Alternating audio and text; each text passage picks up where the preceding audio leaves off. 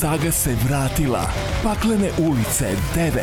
Well, that was new. U bioskopima od 10. juna.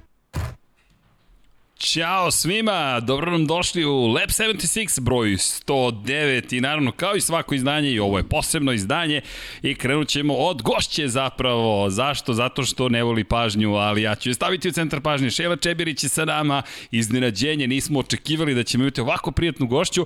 I još jedna gošća, Milica nam je stigla, Ivan je tu negde u pozadini, dakle dame dominiraju večeras. Šela ko je pratio u Formuli 1 šta smo sve radili, Šela dama koja nam je poslala toliko podataka prošle godine. Grafika, analiza, trke, promene guma, ko je kada imao kakav tempo, dama koja programira sve to u Pythonu i genije je. Tako da, je zadovoljstvo što nam je ovde. Ne voli baš da bude ispred kamera, ali za razliku od nje, Dejan Potkonjak voli da je ispred kamera.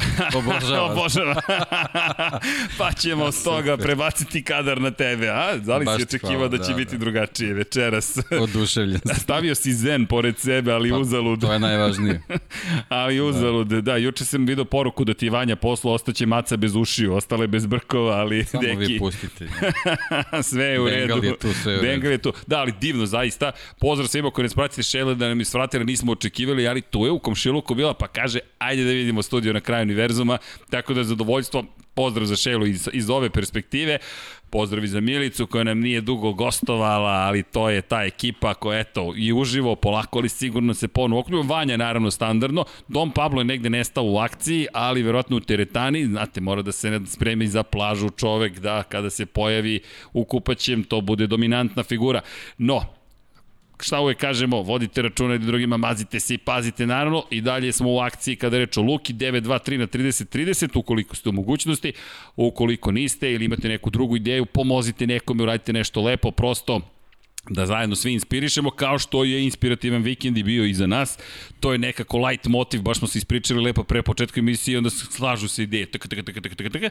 Jedna od ideja jeste zapravo upravo ta lepota sporta, koliko ti ljudi, momci i devojke mogu da inspirišu i inspirativno je bilo i rekao bih iz očiglednih razloga, možemo sada da pričamo i trilogiji, trilogiji gospodara prstenova Kralj. Se vratio povratak Kralja, povratak Markeza, Mark Marquez posle skoro 600 dana pobjeda u Saxon ringu, 11. za redom na ovoj stazi. Pričali smo o tome, da li može, ne može, pa kao i ti ja smo stiljivo rekli, pa ne, neće pobediti ovoga puta. O da, pobedio je i ovoga puta i kakva, kakav kadar i kakva proslava, još je neverovatnije bilo ono što smo videli i po završetku trke u zatvorenom parkištu kada je veliki Mark Marquez počeo da plače. E, to je dan kada shvatite da svi ti ljudi, ajkule, žestoki momci, neustrašivi ljudi i tekako su emotivni. To je ono što je lepota cele priče.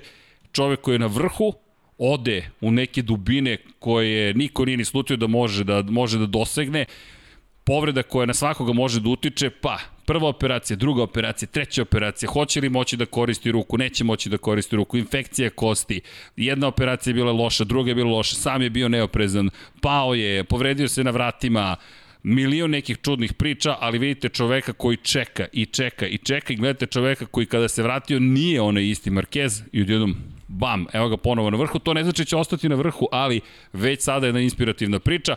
Što se tiče ostatka naslova, samo da konstatujemo Red Bullizacija, deki, gledam fotografije ovako, samo se nameće.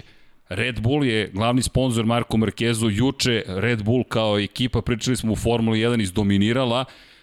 S druge strane, ko je broj 1 trenutno u Moto2 klasi? Remy Gardner u, u, u, Red Bullu od glave do pete i Pedro Acosta u Red Bullu od glave do pete i još Red Bullov kup Novajlija na stazi Saxon. Ako pogledaš, kažeš, ok, ima neko da nije, nije ovde sponsorisan od strane Red Bulla ili da nije deo ekipe Red Bulla i shvatiš da praktično to, toga nije bilo ovoga vikenda. Ozbiljni vozači, ozbiljne ekipe, ozbiljno takmičenje. Mislim na Red Bull Cup Novajlija, tako da to se nekako eto, sve složilo ovog vikenda, uključujući Formulu 1 i eto, ovaj, za njih onako stvarno razlog za osmehe. Zaista, da, baš mnogo razloga za osmehe. Da. Ali I, najvažniji im je taj povratak Marka Markeza, naravno. Jeste, i veličanstven je bio zaista povratak Marka Markeza.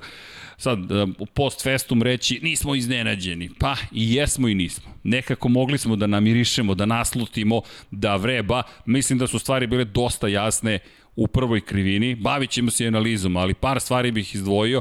Kvalifikacije peta pozicija za Marka Markeza, međutim, ulazak u prvu krivinu Sklanja jednog, sklanja drugog, sklanja trećeg, sklanja četvrtog, bukvalno ovako. Ti se sklanjaš, ti se sklanjaš, ti se sklanjaš, ti se sklanjaš, ja idem na prvu poziciju I onda ona, čuve, ona rečenica sada već čuvena, kada sam video da pada kiša, rekao sam ja održavam tempo. Kada sam video da se pojačava kiša, ja pojačavam tempo. Klasični Mark Marquez. Klasični Mark Marquez. Pa pričali smo i pre ovaj, trke da jednostavno ova staza zbog svoje konfiguracije i tih ovaj, maksimalnih brzina koji nisu na nivou brzina na drugim stazama njemu jednostavno odgovara staza samo po sebi zbog zbog istorije i njegovih rezultata na njoj su sve sve išlo ovaj na njegovu stranu i onda se još poklopilo i, i to vreme, vremenski uslovi su apsolutno ovaj, išli na ruku čoveku koji, koji je rekao adolescent i dalje, mislim, to ne smemo, ne smemo da zaboravimo. Da, videli smo, videli smo na trci u Le Manu kad su takvi uslovi kako dobijamo ponovo tog starog Marka Markeza i ono, da, da ne bude kao neki zaključak, pošto smo tek počeli da pričamo, ja mislim da, da ovu pobedu možemo svrstamo u najvažniju pobedu karijere njegove. Da, pa legendarna pobeda da. je potpis Ili, nad naslov koji smo je, zato što sve, sve što se ranije dešavalo, to je jednostavno bio neki sled događaja, kad neko ima takav ekstra talent, to se jednostavno sve očekuje, tako i on očekuje i sve, ovaj, i svi oko njega, međutim ovo je bilo nešto što verujem da je bilo u, u poslednjih godinu i nešto dana mnogo trenutaka gde si sam pitao da li će se uopšte vratiti ponovo na, na, na, pod, na podijum, kamoli da pobedi, a kamoli da ponovo uđe u konkurenciju za, za neku novu šampionsku titulu, ova pobeda je onako baš veliki teret skinula s njegovih leđa, tako da, da mislim da ćemo sad iz trku i trku dobijati Marka Markeza koji, koji sve više više liči na onog starog. Naravno, i dalje moramo da pričamo o toj zadršci, da li će u potpunosti biti fizički spreman kao, kao ovaj, i, i pre povred, da li definitivno ovo će, ovim će mu biti dodatni vetar u leđa, pre svega što ide ta situacija da posle Asen, Asen imamo pauzu koju će on ma, maksimalno iskoristiti u, u to, ovaj, apsolutno ne moramo da, da, da sumnjamo, tako da u stvari tek u tom drugom delu sezone možemo da vidimo u stvari kako teče taj, taj njegov oporavak. Mark Marquez koji je uradio nešto što smo se pitali kada je reč o, o Miku Duanu i o tome da li će moći da uradi ono što je Mik Duan učinio, koji je bio teško povređen početkom 90-ih, vratio se. Koja povreda? Povreda desne noge i desna roga koja se u motociklizmu koristi za kočenje dovela do toga da razvije čuvenu kočnicu palcem za, desni, za zadnji točak na levoj strani. Dakle, u to vreme kvačilo se i tekako koristilo, dakle, to nije moment u kojem vi samo pritiskate kočnicu, kao što je sada slučaj, kvačilo se koristi isključivo za pokretanje motora i posle toga ni u prenosu stepena na gore, ni na dole, više se ne koristi kvačilo u modernom Moto Grand Prix. Tada, dvotakne zveri, NSR 500 Honda, 500 kubika za dvotakni motocikl, to je zastrašujuće moguća sila, moć ogromna, to kontrolišete, vi menjate brzine, stalno koristite kvačilo i kočite levim palcem, palcem leve ruke. Duan je uspeo posle te povrede osvojio svih svojih pet titula i Mark Marquez je otkrio da je zapravo savet Mika Duana, čiji potpis evo ovde nam stoji, sve su spremili Vanja i Deki naravno, potpisano za Ser, Seržana, ali dobro, ne znam ko je gospodin, ali to smo šalu već ispričali, da se ne pojavljamo i rekao je da je zapravo Mick Duani bio inspiracija i da mu je on pomogao da se vrati na, na, na taj nivo. Duan je prošao nešto slično. Duan je te 1991. bio na putu zapravo da prekine, to jest da da ne, do, da ne dozvoli praktično ni formiranje ere Vejna Rejnija, vodio je u šampionatu svetu, malo je nedostajalo i da osvoji titulu na kraju, ali ta povreda ga je zaustavila prve, druge, treće, nije osvojio titulu i ovde tek krenulo četvrte, da, pete, da, kao što šeste, nažalost sedme, i Rejnija povreda. Jeste, i Rejnijeva povreda teža, da. jeste, koja je nažalost da. dovela do toga da je ostao nepokretan od struka na dole, paraliza koja je dotovela do toga da se Kevin da. Šlanc penzioniše. Opasno vreme i vreme eto gde smo prerano gubili neke šampione jeste. i ko zna kako sve dostignuće smo mogli da da, da vidimo i da budemo svedoci, ali eto jednostavno to je tako je vreme bilo, mnogo su opasni motocikli bili, naravno nije, nije sad ništa, ništa drugačije, sve su brži i sve su ovaj, nezgodniji za vožnju, eto Mark Marquez je to prošle godine iskusio i, i kao što si rekao, mislim ovo dosta liči na, na to iskustvo koje ima ovaj, Michael Duan, jedina razlika što je Duan posle povrede u stvari praktično smogao snage da da zabeleži svoje vrhunske rezultate, ovo, ovo je nešto drugačije.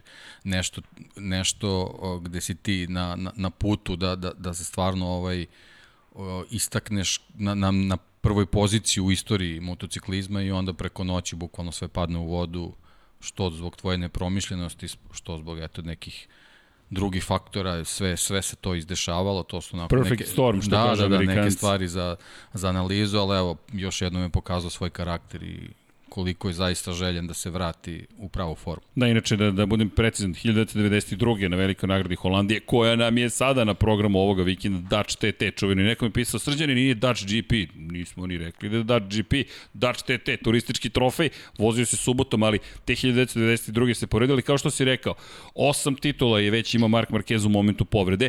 Ono što je fascinantno u celoj priči i mislim, Inspirativan je sport. To ono što smo pričali. Inspirativan, inspirativan, inspirativan. I ja se nadam da mi možemo da prenesemo tu vrstu emocije da Mark Marquez ili Valentino Rossi ili bilo ko može da inspiriše i da pokrene stvari. Zašto spominjem Valentino Rossi? Planski i namerno. Zašto? Njih dvojca su veliki rivali. Postoji teža antiteža između i navijača. Ali da zanemarimo taj moment. Ovo je priča o čoveku. Ovo je priča o nekome koji je na vrhu, pa je na dnu i ko je rekao nešto što sa čim možemo svi da se poistovitimo. Zaboravi šta ti pričaju sa strane. Fokusiraj se na ljude koji zaista žele da ti pomognu, veruju, veruju u sebe. I rekao je da kada ga je pozvao Mick Duan, pola sata je ćutao i slušao Mika Duana koji mu samo pričao i pričao i pričao i pričao. I objasnio mu situaciju i rekao mu je, evo citiram, kaže, isti problemi, razumevanje motocikla, nevoženje motocikla na način na koji si navikao. Glupe greške, glupi padovi, neke trke u kojima ćeš biti brz i neki treninzi i neke trke u kojima ćeš biti sporiji, a ne znaš zašto. I problemi koje si imao ove godine su doveli do toga da zapravo razume šta se to dešavalo sa Duanom u prošlosti. I odjednom kada shvat, kada je, to je njegova reč, kada je shvatio zapravo, Duan je to sve imao i uspeo je, ok, i koliko to može da ti pomogne, to je isto pomoć, mislim da Mark Marquez, svesno ili nesvesno, može da posluži toj poruci. Poruci svakome od nas u nekom trenutku u kojem se nađeš i kažeš, uf, teško je, čekaj.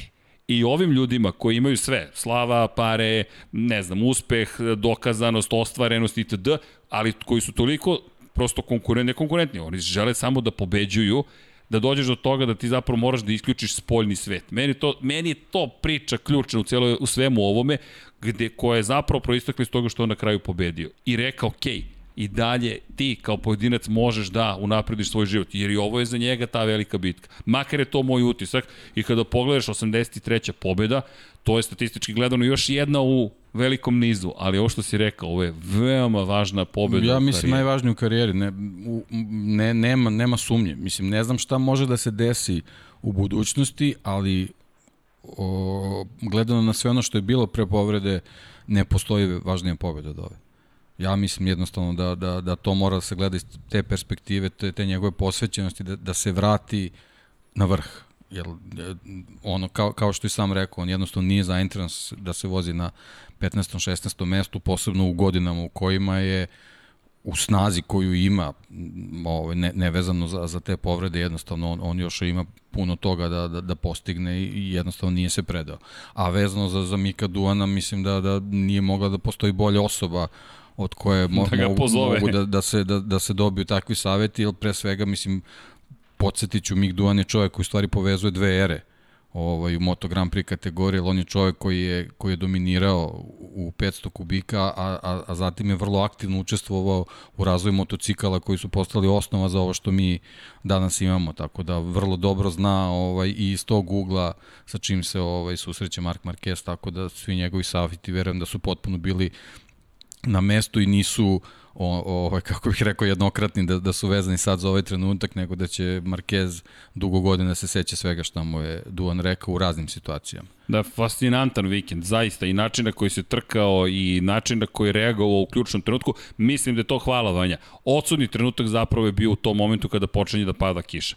Mislim da je to bilo najvažnije što se desilo i da je tu zapravo kome pobegao? Miguel Oliviri. Malo pre pričamo o Red Bullu. Evo još jednog Red Bulla, Red Bull KTM, njihov fabrički tim, Miguel Oliveira, i to je sam rekao, odvezao sam savršenu trku bez greške, ali nije pogrešen ni Mark Marquez. Razlika je bila u startnim pozicijama i u činjenici da je Marquez uradio ono što mu je bilo neophodno, poveo je posle prvog kruga on je poveo, Oliveira je tek kada je počela kiša da pada, kada je većina počela da pušta gas, kada pogledamo Aleša Espargara, Aleš je rekao, ne, ne, ja, ja ne idem ovim tempom, Oliveira je zajedno s Markezom jedini skočio, ali Markez već imao prednost skočio više i koliko god je nadoknađivao Oliveira, koji po meni odvezao još precizniju trku, bilo je kasno. To je prosto bio Markezov vikend, ali samo da ne zaboravimo Oliviru, doći ćemo na njega, njegova priča je drugačija.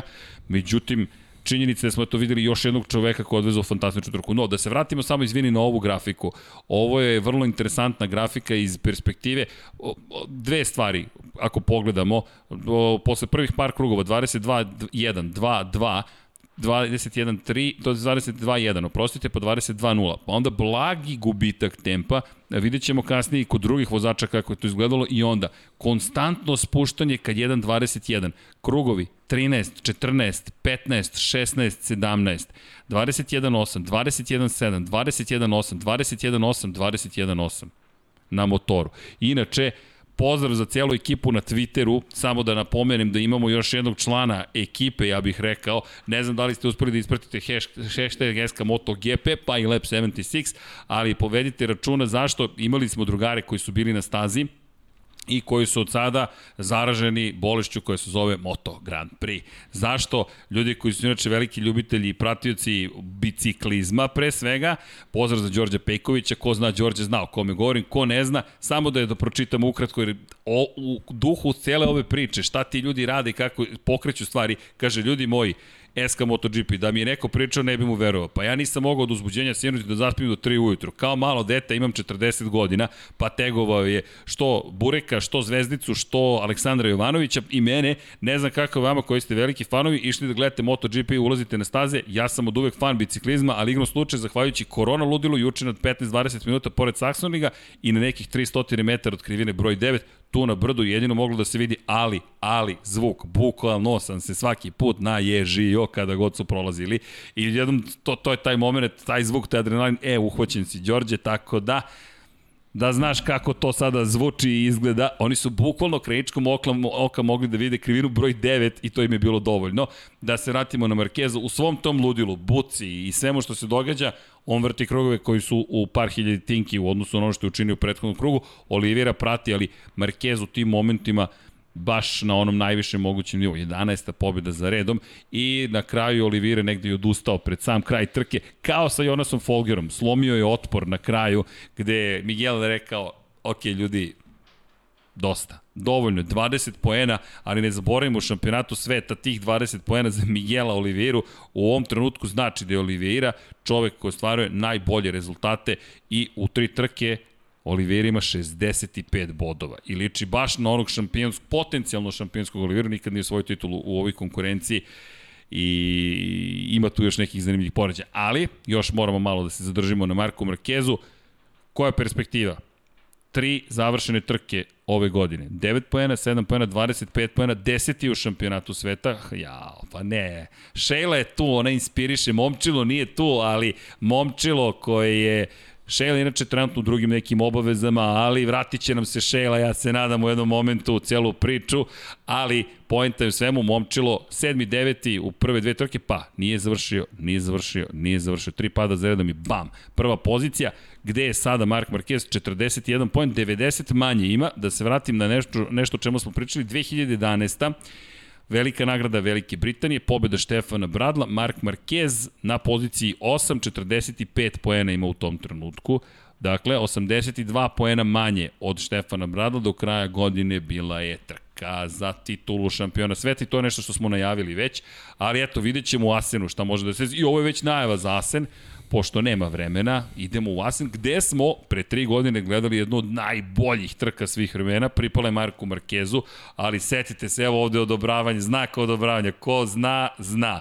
Moment kada se pada sa motocikla zato što Alex Rins nema nameru da te pusti, dobro mi sećanje služi, da, Alex Rins je bio, pa ti nastavljaš, pa se vraćaš, pa Maverick Vinales odlazi preduboko, pa su svi tu, bitka je, ali dva kruga pre kraja slomio otpor, pa nismo imali ono čuveno neko pretecanje u poslednjem krugu, pomalo malo zaboravljena trka, ali jedna od najboljih, ako možete pogledajte. E, tamo sad idemo u takozvanu katedralu automotosporta i bit će zanimljivo vidjeti šta, da, šta Mark Marquez dalje može. Ali, velike čestitke, zaista. Iz svih mogućih razloga, još jedna bitna napomena, sledeća najbolja Honda u celoj ovoj priči, u trci u kojoj Honda, da ne zaboravimo, 2019. i velike nagrade Valencije i pobjede Marka Markeza nije imala triumf. Inače, Inače, hvala za korekciju, ja sam više puta pogrešio, negde se zapatila informacija u mojoj glavi, a to je da kaže, ej Srki, neka vas pojačaju malo, pogotovo Dekija baš se slabo čuje. Ne znam, to je Ne može, ne sme glasnije probićemo, mada ja mogu i da vičem, ali, ali, ali, da se vratim na ono što je bila korekcija, Igor Uzelac, pozdrav za Igora Uzelca, rekao je, ej, čao Srki, mislio sam, uh, primetio sam da gledam Lab 76 podcasta o MotoGP-u, da stalno ponavljate grešku, a to je zapravo da je 1983. Honda zabeležila poslednju sezonu bez pobjede. Nije, 1981. 83. bili su malo uspešniji sa Fredim Spencerom, samo tih šest pobjedica su ostvarili, tako da moje izvinjenje, ne zamerite, to je negde u glavi se tako zapatilo. Hvala Igore za ispravku, tako da veliki pozdrav cijeloj zajednici, no da se vratimo na ovo, pobjeda više ne nedostaje u šampionatu sveta i 25 bodova za Hondu, koja je sada uspela da odmakne Aprili, dalje je peta od šest proizvođača, ima tu još puno posla za Hondu, međutim, da se vratim i na ono što sam krenuo, a to jeste gde su bile ostale Honde u svemu ovome.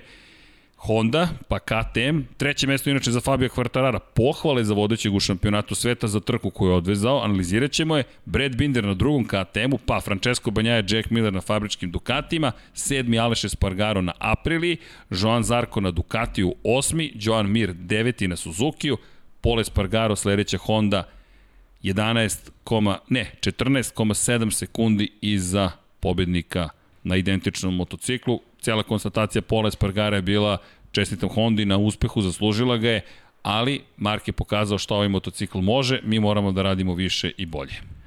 Razlika između Marka Markeza i Pola Espargara je kolika je razlika između Fabija Quartarara i Valentina Rossi. Tako da, ovaj, ako Zanimljivo trebamo da tražimo ovaj, gubitnika prošle trke, to je definitivno Pola Espargara ovaj, o, ta, ta izjava je lepa, onako baš je korektna i kolegijalna, sportska, ali što se njega tiče, ovaj, ovo što se desilo prošlog vikenda, apsolutno mu ne ide na ruku i mora podhitno nešto da, da, da promeni, promeni vezano za svoje izdanje uvek staloženi gospodin Potkonjak, ja ću da dodam, ovo je katastrofa za Pola Espargara, ljudi, ovo je ozbiljan poraz. On je došao u ekipu da konstatujemo ono što smo spekulisali ili pričali da bi moglo da se desi, a to je da Pola Espargara, ukoliko ne iskoristi priliku da preuzme ekipu Repsol Honda, da će Mark Marquez kada se oporaviti prosto uraditi ono što je radio i prethodnicima u svojoj garaži, bukvalno njegovoj garaži, i da će pobediti kao što je pobedio Aleksa Markeza, kao što je pobedio Jorge Lorenza, kao što je pobedio konačno i Danija Pedrosu. Sada je još jedan tu čovek, to je Pole Spargaro, došao u Hondu, kao što si rekao, nasmejani kadrovi, sve predivno, sve fantastično, dobra predsezona i od tog momenta problemi, veliki broj problema, Pole Spargaro u ovom momentu je na poziciji broj 12 u šampionatu sveta i ima 6 pojena manje od Marka Markeza. To je za nekoga koji u punoj snazi, u, napone ne vidi. Sve rečeno. Sve rečeno. Ne, nema, nema tu šta da se doda, ovo jednostavno ni jednog trenutka ove sezone nije, nije pokazao bilo kakvu naznaku da može da bude na tom vrhunskom nivou i jednostavno mora. Padovi, loše plasmani, loše kvalifikacije, to, to jednostavno za vozača koji je u punoj formi ne, ne može jednostavno, ne, ne može da se dešava. A pričali smo kako je za svakog od njih tamo san da, da dobiju poziv da dođu u Repsol Hondu i onda jednostavno ništa se ne desi. I onda se Mark Marquez vrati i u prvoj trci gde, gde su i ole situacije išle na njegovu ovaj, stranu, on, on iskoristi sve i zabeleži pobedu. Jer, mislim, mora, moramo tako i to da gledamo.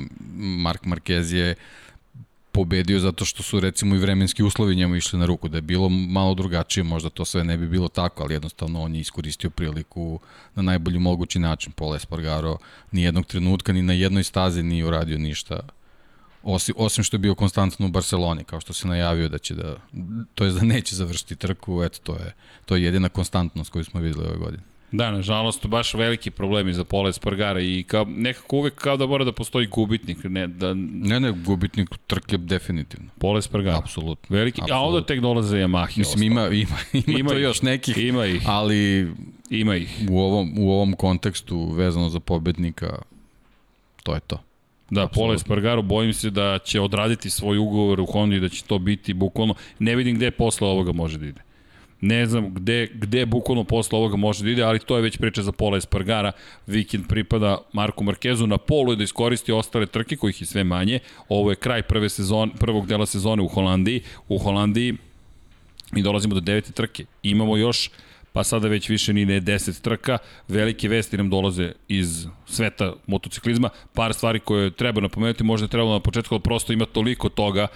Velika nagrada Japana, nažalost, otkazana je, nećemo imati veliku nagradu Japana. Da, ja sam se ponadao zato što, kao eto, neke pripreme za olimpijadu postoje i neki protokoli su napravljeni, ja sam se nadao da, da će to biti vezano i za Moto Grand Prix, međutim, Ne. dobili smo potvrdu da od toga neće biti I ništa. to vrlo rano smo dobili u odnosu na ono što je bio planirano. 3. oktobra trebalo da se održi velika nagrada Japana, neće biti. Verujem da, da, da je bilo insist, is- insistirano pre svega zbog logističkih ovaj, potreba da, da se ranije neke stvari saznaju. Ali, Tako da ne može jednostavno se čeka poslednji trenutak, nego morali smo ovako da dobijemo pre, pre pauze da bi, da bi tim, timovi mogli da se organizuju za drugi deo sezone. Da, to je to azijska okeanijska tur, da, turneja. da, da. Mi imamo dve turneje ukoliko se dese. 3. oktobar je bio datum za veliku nagradu Japana, na to poziciju se pomera velika nagrada Amerika, staza Amerika, Kota, nisam siguran koliko, pogotovo posle Saxoniga i pobede Marka Markeza, ljudi žele da ima da Kota postoji u šampionatu, ali tu je za sada velika nagrada Tajlanda 17. oktobra, Buriram ostaje i dalje, 24. oktobra velika nagrada Australije i dalje tu upisana, velika nagrada Malezije 31. oktobra i to je kraj te turneje, to je turneja Tajland, Australija, Malezija, a 14. novembra velika nagrada Valencije, kraj, veliki kraj sezone, ko je tu odložen, velika nagrada Argentine, tako da ukoliko odemo u Kotu, možda negde postoji mogućnost, mada ja ne vidim, premalo je vremena. 3. oktobar, ostaje samo 10. oktobar, otići u, Ko, u Teksas, pa se spustiti u Argentinu, pa potom otići na Tajland, to jest na drugu stranu, otići na Tajland je nešto što je veoma teško. Stigo nam i Dom Pablo, ja se nadam da je teretani bilo dobro, ali okej. Okay nećemo ga uznemiravati. Činjenica je da 17. oktobra, eto je Tajland, tu malo je prostora za Argentinu i rezervna velika nagrada je Indonezija, koja ima neke druge probleme, ali eto, možda će tu se u 10. oktobra naći Indonezija. Opet mi je teško baš da poverujemo to zašto. Treći, 10. 17. 24. To su četiri nedelje za redom da se trkaju. Na udaljenim lokacijama u sred COVID-19 pandemije. Uf, Da. Gotovo Teško, nemoguća teško misija. za organizaciju. Da. Bojim se da ćemo imati manje trka nego što smo nego što je planirano i druga velika vest zapravo dve velike vesti koje proističu iz jedne Franco Morbidelli se povredio, neće voziti na velikoj nagradi Holandije, povreda, stara povreda kolena, verovatno će ići na operaciju, planirao je operaciju tokom letnjeg pauze i rekao je moram da razmišljam o operaciji ne samo iz perspektive šampionata, već iz perspektive mog života. Ono što se postavlja kao pitanje jeste koliko će dugo trajati oporavak, ali Koliko god, ali mislim da, da je dobra odluka generalno. Pa deki, šta ima više sezona da je izgubi? Izgubljena loša, je sezona. Da, da, i to jednostavno nije sve do njega, tako da mislim da nema razloga da, da muči sebe, nego je najvažnije što pre da, da završi taj operativni zahta, zahvat da, da, da krene sa pripremama, to je najvažnije. I ovo mu daje da. Da. mogućnost da, oporavka, očekivanja su sve manja, mislim da i Petronas je svestan da je da, da ove sezone ne, ne može da se do, dobije ono što se dobilo prošle godine kada je bio vice šampion, prosto taj motocikl je suviše sada star, samim tim iskoristi priliku. Povređen je mora na operativni zahvat, imaš celu polovinu godine praktično ti se vozač oporavi, bude u potpunosti spreman, zanadamo se fabrički motocikl. Ko će da ga menja? I samo, samo jedan detalj, ovaj, sve, sve to što smo naveli je apsolutno tačno, ali on je trenutno sa svim svojim problemima u generalnom plasmanu ispred pola Espargara. Da, okej. Okay. Čisto, čisto da nadovežemo te dve priče, zašto smo toliko ovaj, ljuti na pola Espargara. Eto, jednostavno, to je... I na Yamaha. To, da, i to je, I na taj, iz perspektive. Franka Morbidelli. Da. Franco Morbidelli 40 poena, Pole Spargaro 35.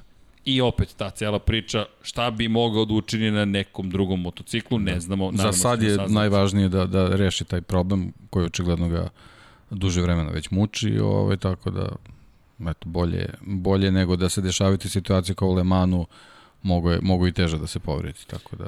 Kada bolje, se već da. desilo, da. bolje da iskoristi priliku, da. I da to reši na druge staze, a kada je reč o zameni, Gerrit Gerlof da. nam se vraća pa dobro, u MotoGP. Očekivan, očekivan. Pa bilo je prvo reči neće niko da ga menja, rečeno je samo Karl Kračov ga neće menjati, niti ima ja, mnogo ne bi smisla. bilo Ne bi bilo logično da test vozač fabričkog tima sed, ne, nema, nema apsolutno nikakve ovaj, koristi ni od kakvog feedbacka, niti od sad neke želje Kala Karačlova se dokazuje na tom motociklu. Jednostavno, potpuno bi mi bilo ne nelogično da, da se to desi. u penziji, kao da. aktivni vozač, on je probni vozač, rezervni vozač, međutim, da je mogao M jedinicu novu da koristi, ok. To bi bilo ok. I Ima mislim smisla. da bi se to i desilo ovako sa ovim starim motociklom, apsolutno nema nikakvog Ovako razloga. promovišeš Gereta Gerlofa. Da, e, Gerrit Gerlof dobro, čovjek koji već ima iskustva, ovaj, on vozio je menjao, Rossi da, da, vozio je kad je Rossi ovaj, imao COVID, tako da već ima tog nekog iskustva i zašto da ne, mislim svaki, svaki kilometri znače, ovaj, naravno, svi su to očekivali možda nekog drugog vozača, znamo na koga mislimo. To sam da ti kažem, čekaj, ali, ali, gde je Toprak da, razgatli pa, u celoj priči? Toprak je u suparničkom taboru vezano za sponzorstvo, tako da jednostavno bilo je apsolutno jasno. da se vratimo jasno, na početak cele priče. Tako je, on, on pripada tom delu priče, tako da je apsolutno bilo jasno u startu da on pa, ne može da dobije to mesto mi, u ovom trenutku. Ako obratite pažnju na, na kacige koje su nam u studiju, jedan od sponzora cele ove priče zapravo se uh, vidi. Monster Energy je u pitanju koji...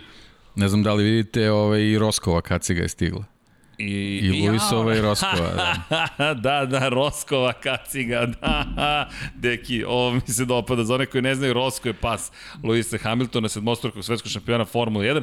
Ovo je potpisana kaciga Luisa Hamiltona, njegova autentična belova kaciga, potpisan je na viziru, Lewis Hamilton je potpisao ovu kacigu, ovo je mali poklon koji smo dobili i Roskova kaciga, to da, ali, ali, da, ali ovo je to isto originalna belova replika, da se Jest. zna, 1 prema 2 je veličina i apsolutno e, da, u, deta, u detalje da identično. 1 prema 2, da. ali bukvalno Pa tako identični. piše na njoj, da. Da, da, da to je to, ali da li ti djeluje kao 1 prema 2? Da, da, da, bukvalno svi, svi detalji su na njoj ovaj, zaista ovaj, fenomenalni da Dekijeva ideja bila stavljaj to na sto, ok, ali mi nije rekao ovo za Roska. Ha, đavole.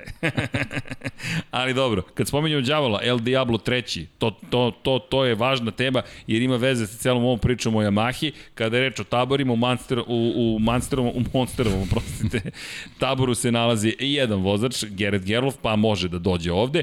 U Red Bullovom taboru je Toprak razgatli oglu, na ličnom nivou sponsor je Red Bull i to je isto moguće, osim kada stignete u Moto Grand Prix, pa su ugovori vezani i za same timove, no činjenice da Toprak jednostavno iz te perspektive ne može, pošto je bilo dosta pitanja. Pretpostavljamo da je to, mislim. Nije zvanično saopšteno. Ne vidim nijedan drugi razlog da Toprak je u sjajnoj formi, zaista je zaslužio, je. ali jednostavno verovatno ovaj, papiri razni to sprečavaju, tako da to je po meni jedini razlog zašto on nije, nije dobio priliku a s druge strane Garrett je već imao iskustva, tako da logično da, da, da nastavi to svoje učenje u Moto Grand Prix. Vidjet ćemo ga svakako, Amerikanac koji... Nezgodni, izvini, nezgodna je situacija, on nije vozio Asen nikad, to je malo onako, ovaj, s obzirom kakva je staza, nije, nije baš ovaj, dobro. Baš nužno pa mesto nije nužno da mesto da gde, trebaš da učiš sad, ovaj, posebno što imaš eto, motocikl da si malo možda hendikepiran odnosno, na odnosu na druge, ali on, vidim, kroz izjave generalno voli tako te, te nove izazove, voli da uči nove staze, tako da zašto da ne? Vidjet ćemo ovaj, kakvi će njegovi rezultati da budu. Pre svega tu već gledamo ovaj neki odnos ovaj neki nastup u odnosu na Lorenza Savadori.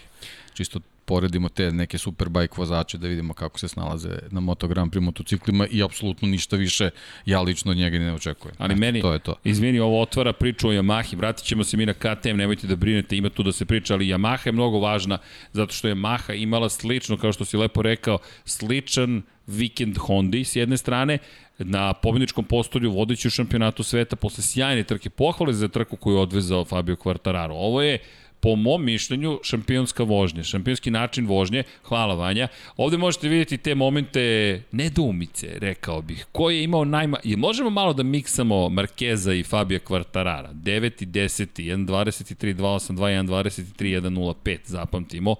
I 1.22, 5, 1.22, 4. Obratite pažnju nedoumice nema. U, u, kod ovog čoveka nedoumice nema. Ovde je samo traženje koja je granica u momentu kada kiša počinje da pada i istaknuta je bela zastava s crvenim, crvenim krstom. Da vratimo mojom dijagonalnim krstom, 1.23.2, 1.23.1. Sledeći krug 11, 1.22.4, možemo ponovo na Markeza, izvijeni Vanja, malo se igramo, ali 1.22.1. Markez još 30 tinke nadoknađuje. Dok si uhvatio taj moment koji već ima Markez, kasno je. Kasno je. Miguel Oliveira, to je druga priča, ali opet, pohvale za Kvartarari iz koje perspektive. Nije imao jednostavan početak trke, bilo je bio a vrlo agresivan manevar Marka Markeza, ostao je u igri. I šta kažemo, ako ti je loš vikend, a ti budeš treći, budeš na pobjedičkom postolju, ti možeš da osvojiš titulu šampiona sveta. I to ono što je uradio Fabio Quartararo, meni je ovo trka zrelosti, jer ako pogledamo njegove rezultate, često je bilo situacija, i ove godine to vidimo, peti pobjeda pobjeda, pa, ok, compartment sindrom, pozicija 13. Treći, pobjeda, francuska pohvala, Katalonija, nije na pobedničkom postolju još kazna, pa si šesti i sada treći. Ali dobro, opet problem. Problem, opet, da, tehničke da, moramo, prirode, moramo da, da, da napomenemo. Tako napomenemo je. to, da. Ali ovo delo je kao, ej, nije mi savršen vikend pobedničko postolje, ja ću da ga imam. Znaš kako, o, meni je ova trka jednostavno upravo na to ličila, pre svega zato što znamo Yamaha mora da povede, kao, kao što smo videli u stvari Honda mora da povede, KTM mora da povede, Yamaha mora, mora da, da povede da bi u stvari imali svoj tempo. Znači, ili verovatno je jako teško voziti u grupi ili iza nekog. To je, to, je, to je, da, to je definitivno to.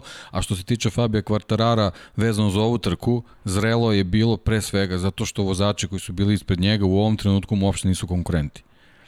Tako da nije bilo potrebe da, da, da pokušava da, da, njih hvata i da drži njihov tempo, zna se ko, s kim se on u ovom trenutku bori za titulu, možda će se kasnije neka situacija promeniti, ali jednostavno u ovom trenutku ta dvojica vozača koji su bili ispred njega nisu bili na njegovom radaru i, i nije bilo potrebe da, da, da ulazi u neke nepotrebne rizike i forsiranja i to je neki novi kvalitet Fabio Quartarara koji smo dobili posle ove trke. Možda i ove sezone u stvari. I vezujemo za ono što, što pričamo o, o zapravo Yamahi iz perspektive ovoga što je Fabio Quartararo učinio. Fabio Quartararo na pobjedničkom postolju, ja moram da krenem od začelja, bukvalno moram da krenem od začelja.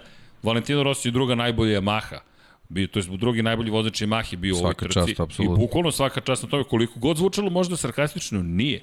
On je čovjek bio druga najbolje plasirana Yamaha. Imao je, imao je nezgodan start. Jeste. Nije uspeo da se izvuče iz te gužve. Kvalifikacije ponovo krajnje da, problematične. Da, da, da. Ali, Maverick Vinales. Maverick Vinales, 19. pozicija, tri vozača nisu stigla do cilja. Alex Marquez, Danilo Petrucci, Lorenzo Savadori, Honda KTM i Aprilia. Maverick Vinales, to je možda i još veća vesti od toga da je Japan skinut sa kalendara, da Gerrit Gerlof menja povređenog Franka Morbidelija, Maverick I da je Mark Marquez pobedio. I da je, I da je Mark Marquez pobedio. Dođe smo mi na našu omiljenu. Mi moramo dvanje da uvedemo Vinjalesov kutak. Ne tehnički kutak, nego Vinjalesov kutak. Ne, ja, ja ću ono gledati možda, možda, ovo, da se ne možda ovaj poslednji put da, da, ga, da ga spominjemo ovaj, A, na da, taj način. Jednostavno potpuno, mention. potpuno razočarenje, posebno zato što zbog svih ovih saznanja koje imamo vezano za Franka Morbidelli i njegovu povredu, on je, on je završio ispred Vinjalesa sa doduše ali, malom, malom razlikom, ali čovek na starom motociklu sa povredom je ispred fabričkog vozača, meni je to ovaj, neverovatno i, i neću puno da ulazim u priču vezano za njega, ali samo ću reći, jedna od stvari zbog koje bi Valentino Rossi mogao da ostane u šampionatu je Maverick Vinales. Ova trka i ovaj rezultat, ako sagleda stvari i pogleda ovaj plasman, možda će da shvati da, da jednostavno to više možda nije do njega.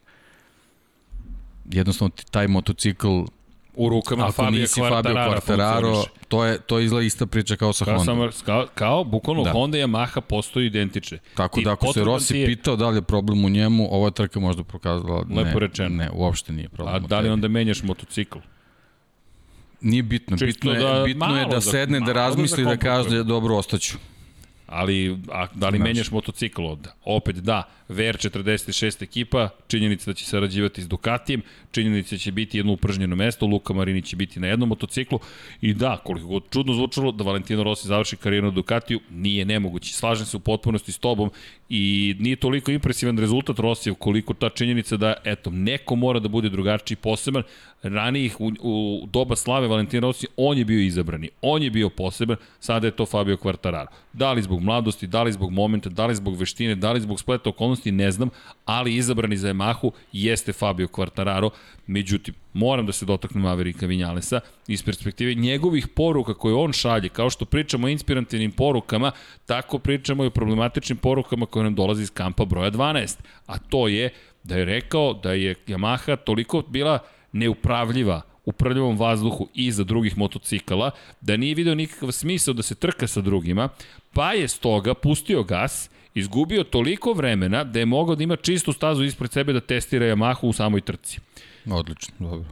I ja Okej. ništa, ja bi, vidi, da je u pitanju neki veteran, da je u pitanju problem na stazi, da si pao, imao si, izgubio si neko vreme, pa kažeš, ok, ostajem u trci. Pa Ali... ne, eto, eto, imamo priču, imamo veterana. Imamo veteran. koji je imao da. isti problem, isto imao prlja vazduh i on je pričao o tome, ali borio se na kraju uzeo da neka dva boda, nebitno. Dva Možda boda, dva mnogo, boda, ali ali, ih je uzeo. Tako je. I fascinantno, inače, apropo Rosija, Rosija koji uopšte ne izgleda ni disponiran, on čovjek kaže, ljudi, ja i dalje volim da se trkam i Apsolutno. dalje verujem da mogu da postavim, da li će se to desiti, ne znam, ali i dalje je tu i nešto pokušava. S druge strane, Maverick Vinales je tu, ali kao da je njegov pokušaj zapravo još jedan protest. Meni je to zaista teško već da Ne znam, ali prihvatim. to su već neke stvari gde sve veći deo javnosti apsolutno više ne, Ne, se ali, ne obazire na, Deki, na te izjave. vraćam se na ono što smo pričali Ali prošle činjenica, godine. činjenica je da trošiš jedan kvalitetan motocikl za koji Ali- se vidi evidentno da je kvalitetan zato što Deki- tvoj timski kolega trenutno vodi u šampionatu. ali još više od toga, ti, ti bukvalno utičeš na tu čuvenu kulturu, ti utičeš na atmosferu u ekipi, ti To je ono što su posledice tvojeg ponašanja. Ti si izabrana zvezda, ti si izabran da budeš sledeći šampion Yamahe, ti si doveden kao the next big thing, ti si dobio sve, dobio si dvogodišnji ugovor na početku, pa si dobio produženje na još dve godine, pa si dobio produženje na još dve godine, Zašto? Pa si dobio jednog inženjera kog je imao Jorge Lorenzo s kojim je osvojio tri titule. Ti imaš Ramona Forcadu s- pokraj sebe. Kažeš ne, Ramon Forcada čudno radi, hoću drugog. Hoću čoveka s kojim sam ja osvojio titulu. Koga hoćeš? To hoću Estebana Garciju. Evo ti ga Garcia. Kad ste osvojili titulu u Moto3 klasi? Super, evo nekih par pobjeda. Hoću. Dve godine kasnije, bez reči, Esteban Garcia više ne radi za Yamahu, od sada Silvano Galbusera, nekadašnji trkački inženjer Valentina Rosija, preuzima glavnu reč u kampu Maverika Vinjalesa. Dobio si i to. I onda par trka kasnije ti kažeš ovo je nepoštovanje prema meni, Yamaha mene ne sluša, meni se ne daje ono što je... Ja, vidi, da je moj zaposleni. Šta da mu kažeš? Ma, Šta da mu kažeš? Izvini Maveriče, ali da li Ne- si ne svestan da ti utičeš sada na sve u ovoj kompaniji? U ovom timu, to nije klasična kompanija, mi smo sportski tim. Okej, ti si zvezda, ali čoveče, do kog momenta si ti zvezda? I vraća se na infantilnost. Pri čemu Maverick je ultra drag čovek ovako, ali ovo nije pitanje da li, da li si drag ili nisi. Tvoja poruka je, ok, ovde ništa ne valja, ali s druge strane tvoj klubski kolega je treći. Tvoj klubski kolega je treći. I ni jednog momenta nije rekao ja sam nešto uradio. Nego opet treba nešto Yamaha da promeni. Bojim se da kad Yamaha sledeći put odluči da promeni, da će to upravo biti on. Ne kažem da će se Rossi vratiti u fabrički tim, ali eto ti ga pitanje. Da, Gerard pri tom, Gerlof, pri tom Rossi je. Rossi u nekoliko intervjua pričao i o predstojećim testovima. O, prema njegovim saznanjima, on, on ne zna šta Yamaha više može da promeni za ovu sezonu. On misli da je to to, znači sve je vezano za neke sitnice u smislu novih delova i sve ostalo će biti ponovo u krug probanje postojećih stvari da, da probaju da vide šta valja, šta ne valja. Za to vreme Fabio Quartararo ostaje u borbi za, Da. za šampionsku titulu, a sa druge strane ti imaš ovaj, drugog vozača ko, kojeg jednostavno nema nigde osim, osim te prve pobede. E sad, ja tu imam jednu teoriju, zamolio sam Dom Pabla da me podsjeti posle trke u Asenu. Dobro. Jesi, Samo da vidim, sa, ne, ne, posle, posle Asena, posle Asena, posle Asena. Posle Tako da, dobro. tu ću završiti priču o, e, o Maveriku Vinjalesu. Da. A da, bench je pojačao, moram da, da vodim računa. Eto, to, to je, to. to je, pa mislim, mislim da ono, suviše, da suviše naučim, vremena... Ste videli, ali ne, preiskusan je... suviše vremena, ovaj, pre, okay. dajemo čoveku jednostavno imaš, koji, koji imaš... ima katastrofalnu sezonu u, u, u godini u kojoj je pobedio. Ja, Franco Morbidelli je bio divan koji je rekao da romantične linije koristi Fabio Quartararo meni je to prelepa izjava. Kad ti gledaš rivala, gledaš svog bivšeg klubskog kolegu, kolegu koji ti oteo slavu u Petronas ekipi i posmatraš ga kako radi nešto što ti ne možeš i kažeš kako, kako romantične, lepe linije koristi Fabio Quartararo. I ako pogledate, Quartararo vozi poput Jorge Lorenza. To je zaista stil vožnje Jorge Lorenza, ostali ne mogu da se prilagode tom stilu. Inače, Maverick Vinales je rekao, neću da uzmem podešavanja Fabio Quartarara, neću da prilagodim moj stil vožnje onome što radi Fabio Quartararo, ja hoću s mojim stilom da uspem. Ja bih sada izvukao gde nam je uh, knjiga Crno i uh, Crno, Crno i Crveno, izvinjam se, Mihajla Šumahera. Šta je radio i gde je? Iza mene? Nemam predstavu. Kako? Kod Maršala. Tamo je, tamo je, sakrivena kod Maršala. To je inače knjiga Dejana Potkonjaka koji radi na tome da bude reizdata u izdanju Infinity Lighthouse-a, ali činjenica je da je Michael Schumacher bio jedan od onih koji su znali šta god da mu date u ruke da iskoristi do maksimuma. I to je bila jedna od nevjerojatnih veština koju je imao, ali Maverick Vinales je mišljenje da to zaista ne bi trebalo da radi. Inače, evo, Pozdrav od Marija Vidovića. Evo još jedan pozdrav ekipu u današnjem podcastu, inače sam fan F1 i stalo tamo postavlja neka pitanja zbog deke i njegov ljubavi prema MotoGP-u. Opa, sam rekao, ajde da pogledam koju trku i evo me, zaražen sam. Tako je Mario. Svaki Tako čast. da ipak sve ovo što radite je puno više nego što mislite. Hvala. I jedno pitanje kada pričate da će se možda Ducati napriti 6 ili 8 motora, znači kada spomenete da je to ogroman posao, da je to teško. Zašto je to teško? Jer napriti 8 motora ne zvuči komplicirano. Ha, Mario! To ćemo sada da se dotaknemo, ali ako možemo da ostavimo to za malo kasnije, molim vas, s obzirom na činjenicu da dolazi priča i o Ducatiju, međutim, sada dok smo, dok smo ovde, samo da napomenem da je to nešto što nisam čuo, da odbiješ da se prilagodiš onome što je u tvojim rukama. Ti pa si... ne, pazi, samo ove sezone smo čuli vozače koji pričaju da se tokom trke prilagođavaju i menjuju stilove. Remy Gardner, pa... izvini, Remy Gardner, čovek koji vodi u šampionatu sveta Moto2 klase, je rekao u sred muđela kada je pobedio, morao sam da nađem novi način vožnje i za, od onda samo beleži pobede. Banjaja, Mir, on, mislim da još iz Katara slušamo te priče. Jednostavno, to je nešto što je sastavni deo uh, modernog Moto Grand Prix. Jednostavno, ne postoji šansa da, da, da voziš u nekom svom stilu tvrdoglavo da, da, da očekuješ da se čitav mehanički sistem prema tebi menja. Tako da, ne, ne znam, jednostavno... Da, inače, ovaj... izvini, znaš gde je knjiga? Dom Pablo me podsjetio. Kod mene kući. Ja čitam. Genije. E onda sve Godine okay. su učinile svoje. Ali dobro, mlađi čovjek. Kod Maršala nema ništa. Kod Maršala, koji Maršal? Možda... Neki Mansell Sena, šta sam još Poslao me u istoriju Kimi, Vanja. da. Ali dobro. NFL 100. Da, NFL, da, NFL. Uh, stiže sezona. Čekaj, stanite, gospodine Potkonjak. Od kanala do evropskog Jel pratiš i ovaj klasičan futbol? Vidim da je 1-1, sve okej. Okay. 1-1, da, da, da okej. Okay. Igrao sam u fantaziju 1-1 tačan rezultat, bilo bi dobro da ostane ovako. Inače, imate ovde eksperte za fantasy, gledam ih, neće da otkriju tajne. Ja kažem, Sheila, reci kako? Kaže, ne, ja sam takmičarskog duha, nećeš to nikada dojave, saznati. Dojave, dojave. Ne, ne, ne, nema šanse. Samo je rekla, sorry. Može, mogu ti pokažem ovo tempo, Python i to programiranje, a ovo za fantaziju, to filmu, mada evo ga gospodin Potkojak, on, on je u fantaziju, kao Nisam, sve skromno. ja sam stoji nekim. Ja, ja, da stoji neki, ja sam 700, neki od 500 korisnika, ali dobro, da se mi vratimo našem podcastu, da, dobio sam, ne, ne, ne, like, čekaj, to, šela, hvala, udrite like, subscribe i ostale stvari lepe, zašto? Ja, da, pa? dvocifreni smo baš i malo, da, baš Šta bi trebalo, pa dvocifreni smo s lajkujima trenutno. Aha, da. okej, okay, nisam baš otvorio. malo, da, da. Ajmo dobro, ljudi malo, dobro. lajkujte, radite zbog Šejle, ne zbog nas. Ako nije problem, da. Naravno, nego da se vratimo mi u trku. Tako da Vinjales, bez obzira... A znaš šta je super kod Vinjalesa? Vinjales uspeva makar da krene pažnju na sebe. Iz ovih ili onih razloga u fokusu je. No, idemo mi nazad.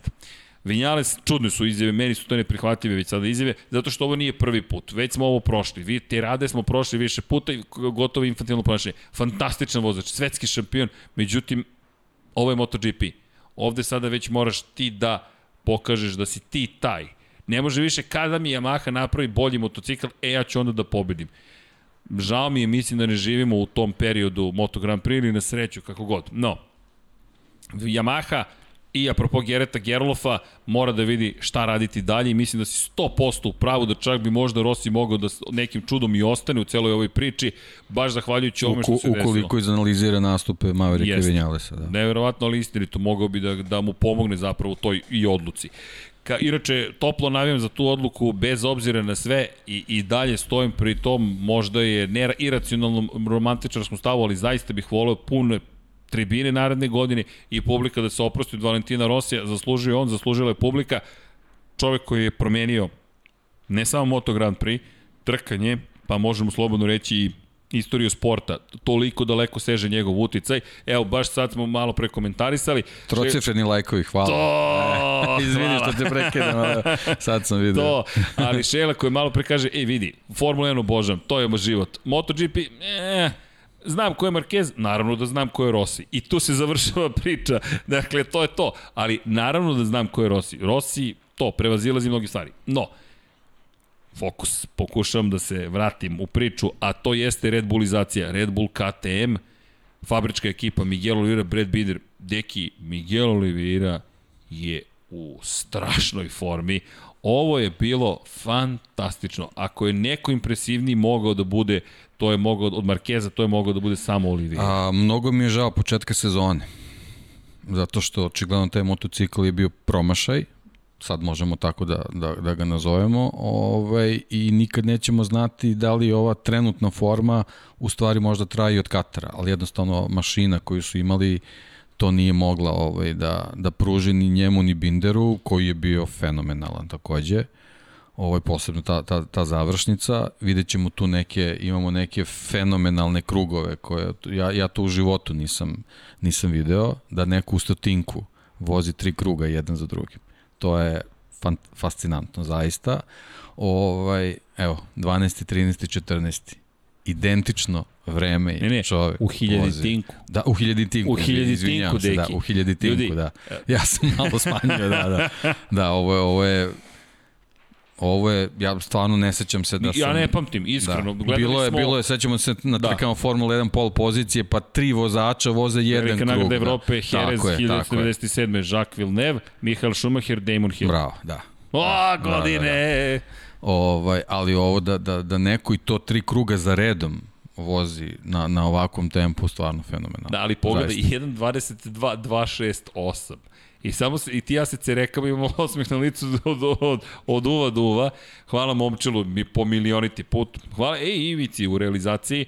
Hvala i Vanji, naravno. Vanja, gospodar studija na kraju univerzuma, 1.22.268 u 12. Da, 1.22.2 mu izgleda bilo onako baš, baš neki njegov, deki, njegov dobar tempo. Da. Ovo jeste neverovatno i pritom da. je još oborio tempo kasnije. Nedeljni čovek, tako su ga na MotoGP.com nazvali, čovek za nedelju, ali ta subota da se popravi i da, Brad Binder sada da. osmi u šampionatu ne, eto, Ovaj, novi RAM, očigledno da je, da je tu sve profunkcionisalo, ovaj, malo, malo sad kasne, kaskaju što se tiče bodova, ali ja mislim da je ovo, da je ovo sasvim, sasvim ovaj, zadovoljno zadovoljavajuće za njih i sa, sa mnogo optimizma mogu da očekuju sledeće trke, nevezano za pauzu. Deki, Pauza može samo još, još dodatno da im pomogne. Deki, pa posle pauze idemo na Red Bull Ring, dve trke na Red Bull Ringu, tako velika nagrada Štarske, velika nagrada tako Austrije, pri čemu velika nagrada Holandije tek dolazi, a to je sada novi test, specifična staza, ako smo gledali... Ko je već na Red Bull Ringu? Ko... tako smo pričali prošli godin, sećaš se? Inkognito. Da, gospodin Dani Pedrosa. Ne, ne, stvarno kompletan paket KTM-a za ovu godinu je od vozača, test vozača, ponov atmosferu ekipi, nižih kategorija, apsolutno sve, sve ide na njihovu. 20, 25, 20. Nije šifra, to su poeni prethodne tri trke Miguel Oliveira, Fabio Quartararo 25, 10, 16. Čisto da se razumemo, 51 poen za Fabija Kvartarara, 65 za Miguel Oliveira. Razlika je smanjena na 57 bodova za ostatka. I dalje je mnogo, ali Oliveira je već ovo radio tokom svoje karijere. Holandija mu nije baš bila uvek naklonjena, drži mu palčeva ovoga puta, ali ukoliko može da nastavi ovaj niz plasmana na pobjedičko postolje pobjeda, Kvartararo nije bezbedan. Pogotovo što Yamaha baš i ne liči na tim koji je koherentan ili koji ima jasnu strategiju i plan. Kao da se oslanjaju na, kao i Honda. Marka, evo ti motocikl, da, pa da, ti to da, reši. To je, Fabio, to je evo to. ti motocikl, da. pa ti to reši. Da. KTM ne. KTM vrlo ozbiljno radi po svim pitanjima i deluje ne ozbiljno, nego deluje preozbiljno. Evo ga Olivira. Ja sam oduševljen Oliveirom. Ovo, ono gde je izgubio jeste gužva. U devetom i desetom krugu nije Olivira bio taj koji nije bio spreman ja, evo, za napad. pogledaš samo krugove gde, gde Binder vozio 1.22 2 Olivira. Od pola sekunde. 1.22.0, 1.21.7. Da. 1.21.7, pa 1.21.9, pa 1.21.7. Strašan tempo. Olivira je odvezao bolje od Marka Markeza. Ali nije ukupno odradio vikend bolje od Marka Markeza. I na kraju Mark Marquez, ma naravno da je zasluženo, nego samo konstatacija koliko Olivira u toj celoj priči zapravo dobro vozi. Oduševljen sam u potpunosti i držim palče u celom KTM-u da se uključi ovu bitku. Zašto? Pa hajde da, da, da se ne bavimo samo hronološki, već vidite da skačemo po pitanju trke, ali Joan Mir, da je deveto mesto, treći, četvrti, deveti, Francesco Banjaja, nezavršena trka, sedmi, peti, Jack Miller, šesti, treći, šesti, Joan Zarko, četvrti, drugi, osmi, i onda Quartararo koji je s izuzetkom Olivere konstantan, pobeda, šesta pozicija uz kaznu i probleme tehničke i treći. I sada taj moment Marquez, to će biti veliko pitanje, ne nužno od velike nagrade Holandije, ali od velike nagrade Štajerske. Štajerska, Austrija, Velika Britanija, Silverstone odgovara, Aragon, tu pišite MM 25 po bodova i onda Mizano, Pa sad, koje trke će biti ne znamo, ali Sjedinje američke države su sada umesto Japana, pa Tajland, Australija, Malezija, Valencija, makar za sada tako stvari stoje. Ja iskreno se bojim da nećemo baš imati 19 trka, za sada ostaje tako, ali pod velikim znakom pitanja. No, Jack Miller i Francesco Banjaja, ti si ih grupisao, ako sam ja dobro razumeo. Ovaj, meni je pre svega bilo zanimljivo da vidimo kako će da se funkcioniše vezano za različite izbore pneumatika. pneumatika. I mislim da Banjajeni samo nisu na vreme proradili.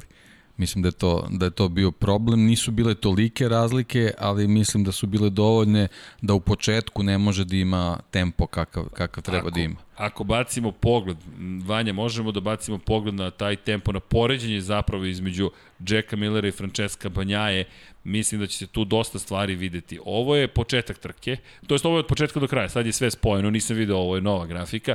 Obratite pažnju na tempo, što niže dole, to je bolje vreme. Banjaja je crvena boja, Miller je zelena boja. Banjaja koji u početku gubi, gubi, gubi i onda 9. i 10. krug. Pogledaj Banjaju. Banjaja nije pustio gas kada je počela kiša. Isti tempo kao u osmom krugu, pored toga u 11. još bolji tempo, nešto lošiji u 12 tu Jack Miller još uvek uspeo da nadogradi i onda tačno polovine trke. Da, bukvalno trke. polovina trke, da. To tačno je, polovina, to 15. krug kako malo, završen. Malo tvrđe gume i kao Jest. da je trebalo na tom hladnom vremenu da, da, da, ove, da Pazi, proradi. hladno vreme, 40 stepeni da, Celsius temperatura da. staze, ali nije bilo 50 kao ali za vreme da, kvalifikacije da, i treninga. To je, to je ta mala razlika. Da, i to tempo od 15. kruga je u potpunosti u korist Banjaje, izuzetak je krug broj 20 u preticanjima, ali na kraju trke Francesco Banjaja Hvala. Tempo pri kraju trke. Pogledajte 19. krug Francesca Banjaja. Ovo je ono što su Marquez zapravo i Olivira radili. 1, ne, bio je sjajan, stvarno u, u finišu je odličan bio. I, i nadoknadio na kraju uspeo da pretekne Jacka Millera, da osvoji 11 bodova, poen više od Jacka Millera, inače poen razlike između njih dvojica u borbi za treće mesto u šampionatu sveta. Zarko koji dalje ostaje, čisto da, da dovežemo Ducatijeve vozače, ostaje na poziciji 2.22 poena iza kvartarali, manje više nevidljiv Zarko, Ducatijevci, znali smo da će se mučiti na ovoj stazi, rekli smo, jedan jedini čovek je ovde pobedio, ime mu je Casey Stoner 2008. godine, vrlo jednostavno, i to čini mi se Anomalija. Da će, anomalija, da, da. Apsolutna anomalija. Evo imamo data scientista ovde, anomalija. To je bukvalno outlier. To kada analizirate, obrišete i desno i levo i kažete daj mi medijanu. E, u toj medijani nema Casey Stonera. Nema, on je čovjek poseban. I, Nikakvi ta... zaključci o Ducatiju ne mogu da se izvuku. Ducati. Da, obrišite ga. Zanemarimo da. mi taj moment. Da. Jednostavno, ovo i dalje ostaje Hondina i Yamahina staza. Hondina iz perspektive Moto Grand Prix 11. pobjeda, 3 pobjede za Daniel Pedrosu u najjačoj klasi, sada 8 za Marka Markeza, 2 u Moto2 i 1 u 125 kubika. Kada je reč o ostalim, Aleš Espargaro mora da zasluži pohvale za sedmu poziciju. Da li je opet moglo negde malo više? Možda, ali opet istorijski u kvalifikacijama uspeh treće mesto. Bravo. Da, Zaista absolutno fantastično, jer to su psihološke barijere, to je nešto smo bude hvalovanja. Obratite pažnju da na početak kiše, tu je, tu je dramatičan gubitak imao. Nije on imao tempo koji može da se poredi sa vodećom trojicom, ali baš je pustio gas i tu se baš videlo da Ališ nije spreman da rizikuje, ali to je razumljivo. Imao si pad, pa si imao pad, pad pred tri trke, ne treba Bilo je važno da se završi, tako. posebno kad imaš dobru, dobru startnu poziciju. Tako je, i završio. Yes. I osvojio vredne poene. Ovo je, ovo je sad već u nekom standardu njihovom, eto ta, ta u stvari kvalifikacijno vreme neki pomak, koji smo dobili u ovom trenutku i sad, sad je vreme eto, da, da, da se i na trci to dogodi. Pogledaj njih kako se oni igraju. Momčilo se igra ali igra. To, Šejlu gledam, razume tu igru kada su podaci u pitanju. Vanja Nadam se da ste uživali, vas dvojice vidim, zabavljate se, Dom Pavlo takođe. Francesco Banjaja ubrzao tempo kada je reč o beloj zastavi, je li tako? Mark Marquez ostao na istom nivou, skoro 19.000 tinki bio Banjaja brži nego u prethodnom krugu, desetinku spori Marquez, Marini 3 desetinke, Iker Lekona 4, Enea Bastianini pola sekunde. Pogledaj Novajlije, klince, ja ne puštam gaz, ovo je moja šansa. Šta dete zna šta je kiš? Fra, Franco Morbidelli ne pušta gas, Pole Espargaro, čestitke, ne pušta, Joan Mir, Brad Binder, pa onda Takaki Nakagami, pa Oliveira, Zarko, Rins, Quartararo, Rossi, Espargaro, Jorge Martin, znači, Jack Miller i Maverick Rossi je na nivou Quartarara, Quartarara da. u tom trenutku, a ko je poslednji? Maverick Vinales. Inače, Oliveira Dobro. je bio u gužvi i u tom prvom krugu je između ostalog pokušavao da nađe prolaz i našao ga na hrabrost u sledećem, ali to je bio i ključni moment za njega. Bam, druga pozicija i, i, i bekstvo. Ozbiljno bekstvo, ali još neko je pobegao još više. Takaki Nakagami, samo konstatujemo, 3 poena osvojio, Alex Rins, ne znam šta bih rekao, završio trku. 11. Pa njemu je to bilo važno, pošto, posle serije padova o, i onda ovaj, te glupe povrede, da tako kažem, ovaj, Barceloni i njemu je, kao i Alešu, bilo jako važno pre svega da završi trku. Sad, ovaj, složilo se da, da bude takav plasman, mislim da, da može da bude zadovoljan, nije ovo u ovom trenutku ništa tako strašno u odnosu na prethodne trke, čak je, čak i, eto, i, i može da se izvuče neka pozitiva i svega. Misliš, Jorge Martin isto, mislim. Če razmišljam da, samo, da, da. da li je ovo pozitiva? Za pa kažem, posle četiri, četiri pada i, i u stvari četiri nezavršene trke, tako, on ovaj, da. Barcelonu i priskočio, je tako? Ovaj, tako da, eto, bar je, bar je završio trku. Mislim, nije, nije bio mnogo daleko od mira. To je ono, ono što, što može da ga uteši. Ne kažem da, da, da, da, da je to ovaj, vredno pohvala, ali eto jednostavno, ako nešto može da bude pozitivno, eto konačno neki bodovi. Suzuki, po mom mišljenju, ozbiljnim problemima. Ovo je već sada situacija u kojoj mislim da moraju da razmišljaju kao pre par godina na narednoj sezoni. Nema više iluzije to odbrani titule. Mir ima 46 bodova za ostatka, ok, to je nadoknadivo ali ništa ne govori niti u, u ekipi, niti kod klubskog kolegija, niti kod njega da oni imaju uh, jasan, jasno, jasan način ili plan kako će da reše svoje probleme. Samo mi prosto deluje da Suzuki sada preživljava. Jednostavno da preživljava i da se je pitanje trenutka kada će reći ok. Da, Mir, Mir ono izlači maksimum u svakom trenutku kako može definitivno, on je u svom stilu, Rins je opet onako u svom stilu je nestrpljiv pa se neke situacije završavaju padovima i dobijamo ono preslikanu prošlu sezonu praktično. To je, to je to s tim što eto, neki drugi su malo, malo spremniji nego, nego što su bili prošle godine, pa je u stvari to ta razlika koju Rin sad osjeća ovaj, i, i na tabeli. E, Mir koji sad osjeća na tabeli, tako da, eto, to je to je taj neki kratak zaključak vezan za njihov nastup. Ja čak mislim da u Asenu mogu da budu i bolji, ali ovaj, sve zavisi tamo od vremenskih uslova, vidjet ćemo, vidjet ćemo šta nas tamo čeka.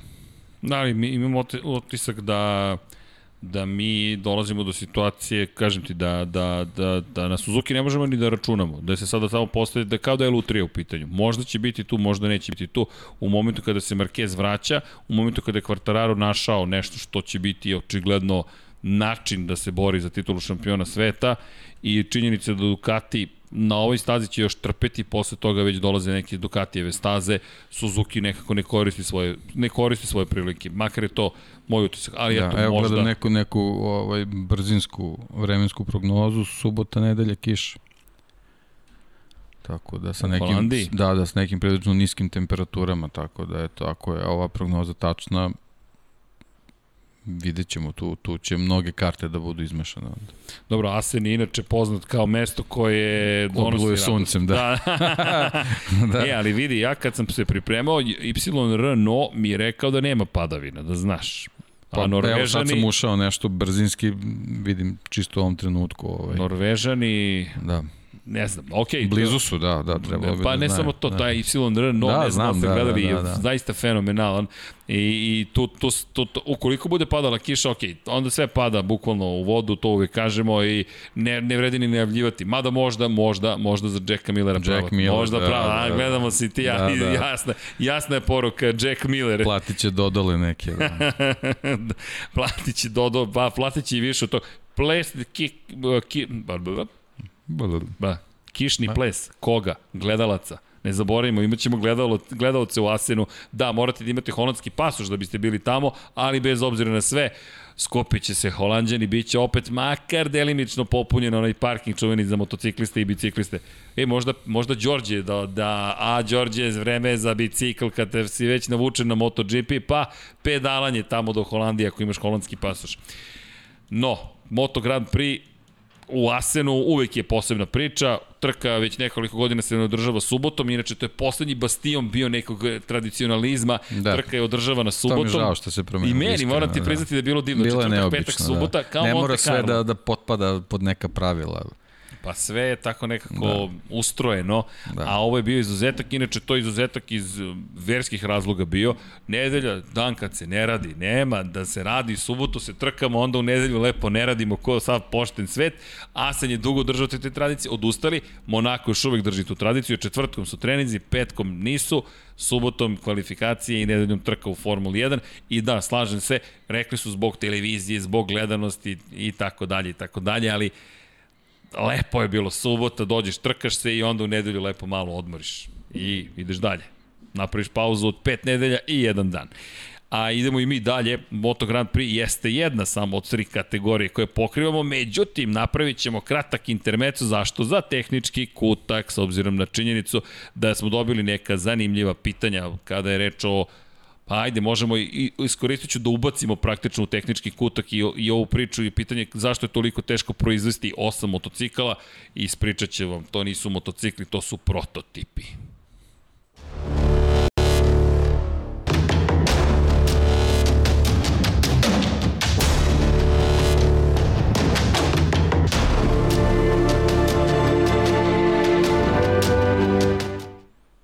Da, inače, sponsor nam je Varta, nisam spomenuo na početku, ali Varta Power Sports AGM tehnologija, pozdrav svima koji ovo slušaju na podcastima, to samo znači da ili slušate ponovo, pošto je to bilo toliko sjajan Lab 76 broj 109, da slušate i na podcast platforma, ili ne gledate uživo, ali pozdrav svima koji su upravo sa nama na YouTube-u, pripremite pitanja nešto kasnije, naravno posle Moto dvojke i Moto trojke i tehničkog kutka, da, da, da, da, da napomenem taj moment, a Varta, kada pričamo o akumulatorima, eno nam ga jedan akumulator, evo ga iza mene drugi akumulator i da, ponosni smo na tu vrstu podrške, možeš da, da ok, deki, Pravi je, pravi. Pravi je, da, bo zaista je pravi. Inače, ovo je posebna tehnologija kada pričamo o AGM tehnologiji, radi se zapravo o posebnoj tehnologiji koja je optimalno rešenje, kako kaže Varta, za motocikle. Međutim, zašto mi volimo da spomenemo? Pa, ono što je nama tu jeste zanimljivo iz cele perspektive je upravo tehnologija AGM-a, s obzirom na činjenicu da se radi o, o tehnologiji olovnih akumulatora, inače mogu da se postave kada je reč o motociklističkim akumulatorima i pod uglom od 45 stepeni i imaju izuzetnu cikli, cikličnu stabilnost. Tako da možete da se, može da se stalno prazni i puni i dolazi pripremljen odmah za upotrebu. Tak, I otporan inače siguran na curenje. Deki mi se nešto smeška kao da priprema nešto. Inače visoka otpornost takođe na vibracije i bez potrebe za održavanje. Suvo napunjen akumulator isporučen u Fresh Pack verziji. Ako me neko bude pitao koji motocikl mi stiže, mogu samo da vam kažem koji god daje imać, znam koji će akumulator imati. A, Don Pablo se pitao šta ćeš da pričaš danas. Danas ću da pričam sve i svašta, ali pričat ću o tome koji motocikl stiže. Šalim se, jo, već sam gledao jedan motocikl danas, Honda je jedna bilo pitanje, kažem, ne može Honda, ljudi, ne može, u, u šampionatu je sveta, tako da ne, CBRK 600 inače, i pita me čovjek, ja kažem, nije u šest proizvođača koji ne mogu da se koriste. Ali dobro, idemo dalje. Inače, kada govorimo o, o tehnologiji, kada govorimo o tome zašto je teško zapravo napraviti tih osam motocikala, pa obratite pažnju samo na tehnologiju koja se koristi i u automoto svetu, ne sportu, mi ovde pričamo o upijajući staklenoj vuni, na primjer. Dakle, ovo je jedna od najnaprednijih tehnologija kada govorimo o AGM tehnologiji akumulatora i jednostavno sistem koji služi upravo tome da zaštiti od curenja, inače imati dodatno punjenje kiselinom kada je reč o konkretno power sportu, inače uvek na strani šampiona, ali, naravno, uz Lab 76, ali činjenica je da kada govorimo o proizvodnji, ljudi, da biste proizveli jedan menjač u Moto Grand Prix, potrebno je skoro dva meseca. Zašto? Tehnologije koje se koriste pogotovo kod livenja, to govorimo na primjer o Hondinom konkretno menjaču koji se smatra čudom tehnike, inače ostali su konstruktori uspeli da sustinu Hondu, dva meseca mi je potrebno da jedan proizvedete. Sada uzmite u obzir da taj jedan menjač se koristi huba, da je neophodno održavanje, odavno na Moto Grand Prix stazama samo jedan čovek može da pogleda unutrašnjost menjača Honda. Mi govorimo o tehnologiji koja je toliko napredna, možda se to ponekad ne vidi dovoljno, ali uzmite obzir sledeće. Pričali smo pre 7-8 godine, sada je to postao standard o razvoju zapravo tehnologije prenosa snage, menjač je kod Honda odigrao tako veliku ulogu da su tamo negde 2011. ako me dobro sećanje služi, tri desetinke po krugu dobijali na takozvanom seamless gear shiftingu, gde smo došli do toga da smo mogli da vidimo da Hondini vozači kada prebacuju u viši stepen prenosa uopšte ne koriste kvačilo. Za početak 30 desetinke samo tu, a onda su uspeli da reše spuštanje u niži stepen prenosa. Opet ogromna prednost, a onda smo došli do toga da zapravo imamo timove koji jure da razviju tu tehnologiju, vreme je neophodno da je razumete, a potom da je proizvedete za jedan menjač i to za probnog vozača, a potom pretvorite u serijsku proizvodnju je nešto što nije ni malo jednostavno. E, mi govorimo o procesu proizvodnje kao da će ti delovi sami da se proizvedu. Samo pandan da napravim poređenje sa Formulom 1. Williams kada treba da proizvede rezervne delove i kada treba da napravi bolid ima 1400 radnika u fabrici. Mi govorimo o bukvalno fizičkoj proizvodnji. Ne govorimo o tome da je to uobičajeni deo. CNC mašine, CNC, dakle, strugovi, glodalice, mašine koje se koriste u procesu proizvodnje su toliko, to su običajne mašine, CNC mašine, ali toliko moraju biti precizne, toliko moraju biti dobro pripremljeni ljudi koji rade na njima, da vi dolazite do toga da je to zapravo koliko nauka, toliko i umetnost. Mi pričamo o nekolicini vozača, 22 koji koriste nešto što je van serijska tehnologija koja kasnije može da dođe do toga da se koristi zapravo na samoj ulici. Evo, na primjer, RAM za KTM. Kako je KTM uspeo da reši jedan od proizvodnih procesa? Mašinci znaju, verujem, o, to, o čemu pričam, a fleksibilni proizvodni sistemi su nešto o čemu se priča već 30 godina unazad.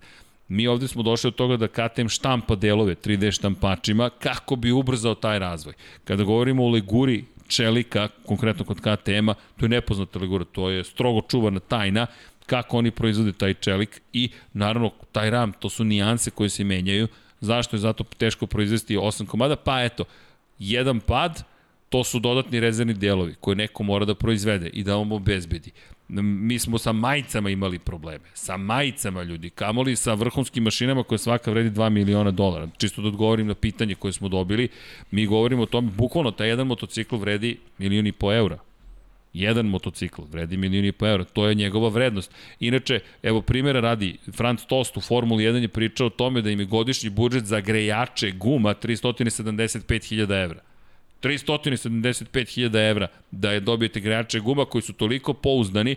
Inače, pozdrav za Kenija Noesa, Dakle, Kenny Noes, ne znam da, da li se, da sećate momak koji je bio na pol poziciji 2010. godine u Francuskoj u Moto2 klasi, je e, prvi intervju koji smo imali s nekim iz Moto2 klase je bio zapravo Kenny Noes u, u prostorijama sport kluba, to se baš sećam, nažalost imao je vrlo tešku nesreću pre nekoliko godina na testirajući Kawasaki u Imoli, počeo je ponovo da hoda, imao je tešku povredu kičmene moždine, ali Kenny imao problem sa grejačem, loše je funkcionisao grejač i tri trke je imao zapravo pregrevanje guma tako da nije mogao da vozi trku čisto da, da, da znamo koliko svaki detalj može da igra veliku ulogu. Naprimjer, kada je Rossi stigao u Ducati, jedan od problema s kojima su se suočili bio da su zapravo tri zavrtnja koristili da se osiguraju kočnice. Naprimjer, disk da se stavi. Yamaha je u, tom vre, u to vreme već imala razvijen sistem sa jednim. Dakle, vi sada imate tri puta više vremena vam treba da nešto skinete i da potom vratite. To su detalji koji izgledaju tako minorno, međutim ne, neki proizvodni proces negde mora da se promeni, a onda svi ostali prateći elementi koji idu uz taj proizvodni proces. Deki, hoćeš nešto da dodaš? Možda, pa nemam šta da dodam, mislim u principu si sve rekao, ovaj, jednostavno suviše je skupo i suviše je komplikovano da bismo očekivali da da jednostavno ti, ti prototipovi silaze kao na traci. Evo, upravo to što se spomenuo, taj RAM vezan za KTM, vidimo da, da jednostavno nije postojala mogućnost da sva četvorica vozača u istom trenutku to dobiju, Petrući i, i, i Lekuono tek, tek mogu da očekuju poboljšanje vezano za njihove motocikle i eto čak i u KTM-u koji su nam više puta dokazali koliko su dobro organizovani, kako dobre proizvodne procese imaju, jednostavno to je, to je nemoguće, bez obzira čak i na budžet. Jednostavno to su jako komplikovani proizvodni procesi koji zahtevaju vreme i, i, i svako iskakanje iz, iz sistema i, i satnice pre svega mislim na, na, na neke, neke padove i udese koji, koji oštete već postojeće ovaj, komponente, dovode do, do kašnjenja vezano za, za sve druge, druge delovi, zbog toga je jako komplikovano držati taj, taj takmičarski nivo kakav je recimo planiran na, na početku sezone ili recimo tokom zimskih testova. To je ovaj, zaista, zaista ovaj, zahtevna i komplikovana procedura. A mi govorimo, kada reč o KTM u kompaniji koja i tekako pruža veliku podršku. Čak najveću od svih. I sad, Aprilia proizvodi dva motocikla, na primjer. Dva, Suzuki proizvodi dva. Njima je naporno... Dobro, ako pričamo u jedinicama četiri. Svaki, svaki vozač da, ima dva. četiri ukupno, četiri okay. jedinice. Za da. po dva, da, da. četiri ukupno. Ali, da, e da, to je možda isto da. važno napomenuti to nije 8 motocikala, to je 16 tako je, motocikala tako je. za 8 vozača. Mi stalno pričamo o motociklu Lepo kao vezano za vozača, ali treba imati na umu da je sve puta dva.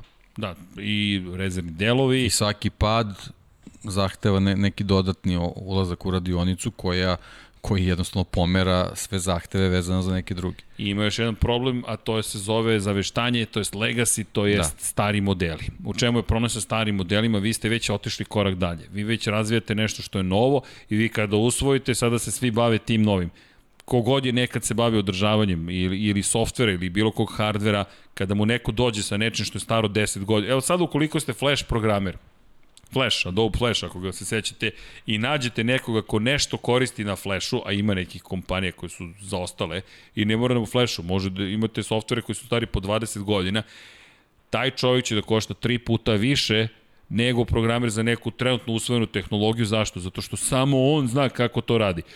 Koliko puta se u kompanijama desilo, ja pa Đura, Mirko, Petar, Paja, on je otišao iz firme pre tri godine i samo on zna to da namesti. Samo on to zna gde da pipne i šta da uradi. Neke stare baze podataka, stari softveri, stari automati, to je legacy. E sada zamislite u tako konkurentnom svetu kakav je Moto Grand Prix, vi morate da se bavite sa pet fabričkih motora i tri sa stara motora, Vi morate svoju fabriku da podelite vrlo precizno baš po tome, to je ovo što je Dejan rekao, 8 puta 2, 16, vi ste za kom, kompleksnost po, eksponencijalno raste. E zato je to toliko teško. Evo mi konkretno na primjeru Aprili i Suzuki imamo situaciju u kojoj oni ne žele da uđu u saradnju sa satelitskim timovima, suviše je opterećenje veliko za njihovu fabriku. I te delove, ako ne proizvodite u Evropi, treba doneti iz Japana.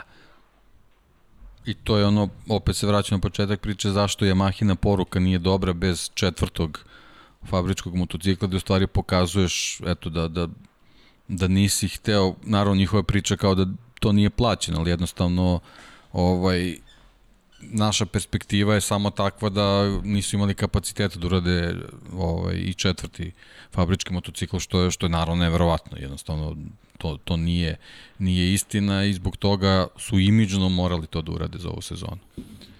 Ali nisu. Ali nisu, ne, Ali dobro, nisu. to smo, Idemo to dalje. smo ovaj, absolvirali, ali jednostavno, eto, kažem, iz čitave te, te priče oni su morali poka, pokažu da imaju kapacitet da urade to.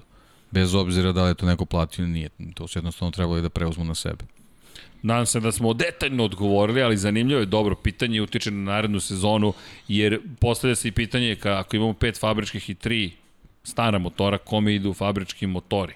To, to je Ducati taj koji se najviše pita. Pa ne, ne moram da idem na to, znači dovoljno je priča da stanemo na, na, na dva, dva, dva Suzuki, to je dva vozača Suzuki, dva vozača Aprilije, po četiri motocikla, to je otprilike, to su negde troškovi samo za izradu tih motocikala sa sve delovima u slučaju padova i tako dalje, znači samo motocikli dolaze do cifra od oko 20 miliona dolara, 17-18 miliona evra otprilike. Košta. Da. Košta. Da. Ali... A gde je, gde, gde je sad kompletna logistika oko svega toga i tako dalje. A, a da onda ne pričamo Ducati. Kolika su to izdvajanje i ulaganje. Ali ima razloga. Da. Ima razloga. Ducati istovremeno kao, postaje kao Aprilia u 250 kubika, tako mi se čini. Aprilia koja je snabdevala pola, ne, i više od pola u jednom trenutku startnog poredka motociklima na ovaj ili onaj način ili pod ovim ili pod onim imenom, jednostavno Piaggio grupacija je to radila, ali Aprilia je bila glavni tu sistem za razvoj motocikala kao što je KTM sada, pa to postane Gas Gas ili Husqvarna. U svakom slučaju, ozbiljan posao je u pitanju i nije tako jednostavno organizovati sve to, ali Ducati to čini i ima razloga, pričamo o Ducatiju dosta. Kada pričamo međutim o KTM-u i kada pričamo o tome šta čine ili o Husqvarna ili Gas Gasu, vre, mislim da je više nego adekvatan moment da nastavimo i tu priču o Red Bullizaciji i o Moto2 kategoriji i o Moto3 kategoriji Yamaha. Zapravo, zašto? Pa spojio bih priču, Mark Marquez pobeđuje. Neko je postoje pitanje šta ukoliko Pedro Acosta pobedi, a Mark Marquez prvi put posle 10 godina ne pobedi. I razmišljam, hm, da li je to ta smjena generacija? Nego ima sad kontra pitanje. A šta ako Mark Marquez pobedi i Pedro Acosta pobedi, šta ćemo onda da radimo? Da li vidimo Pedro Acosta za dve godine u toj Repsol Hondi? Ili će KTM da kaže, ne, ne, ne, ne, samo polako. Remy Gardner stiže u teh tri ekipu, Remy Gardner, ja mislim da je odvezao najbolju trku do sada. Prošli put je bila najbolja. Remy Gardner je sada podigao nivo još više. Ovo je sada napad na početku. Dakle, ovo sad više ni nema čekanja. Raul Fernandez, njegov klubski kolega u KTM Ajo. Evo, tempo Gardner i Fernandeza na početku trke. Oni su rešili da pozdrave, da odjave konkurenciju, međutim Remy Gardner je uticao na Raula Fernandeza, Fernandez prosto to nije mogao da prati. Definitivno, definitivno. Pol pozicija Raulu Fernandeza pripala i to upečatljivo 30 prednosti, ali Remy spreman za trku, nije poveo, međutim i videlo se i baš smo izgovorili ukoliko se ukaže prilika Gardner neće čekati i tačno po planu nekom, nije ni plan po intuiciji ide napad, njegov plan, naša intuicija prva pozicija je onda dominiranje tempom. Možeš vanje da vratiš, molim te ovaj kadar. Pogledajte kolika je to razlika. 1.23.8 za Gardnera, 1.24.1 za Fernandeza, 1.24.8 Čavija Vierhea, a onda u trećem krugu 23.7, 23.8 za vodeću dvojicu, 1.24.8, 1.23.9, 1.23.8, 1.24.9 za Čavija Vierhea. 3 sekunde u tri kruga ti nadoknadiš u Moto2 klasi. na stazi dugačkoj 3671 metar. Ti ne izdominiraš, nego ti bukvalno odeš u drugu kategoriju. Ovo je, ovo je druga kategorija bila vožnja. I Raul Fernandez izleće prva greška ove sezone, kritična možda za titulu šampiona sveta. Gardner koji ga je pre dve trke pobedio prvi put, u direktnom duelu odneo triumf, u poslednjem krugu ga pretekao, prilagodio se vo stilu, stil vožnje, prilagodio uslovima, zatim u, u Kataloniji izdominirao u poslednje dva kruga, tri zapravo, pobegao Raulu Fernandezu da se nije ni pitanje ko pobeđe i sada ti u prvih pet krugova sledeće, treće trke za redom ti izdominiraš nad protivnikom, nametneš svoju volju i na kraju utičeš na to da on izleti sa staze, da ostane bez bodova, a ti rutinski završiš trku, osvojiš 25 pojena i zabeležiš treću pobedu za redom, koja se baš redko viđa poslednji put Brad Binder pre dve godine kada je završavao sezonu u Moto2 klasi, pobeda, pobeda, pobeda, te godine se videlo nekoliko puta kod Aleksa Markeza i kod Breda Bindera, ali opet nije baš uobičajeno u Moto2 kategoriji i odjednom Remy Gardner koji sumo uvereno, uvereno stoji na prvoj poziciji tamo. Ne, definitivno se uklopio pre svega sa motociklom i vidi se zaista sve, sve šta poželi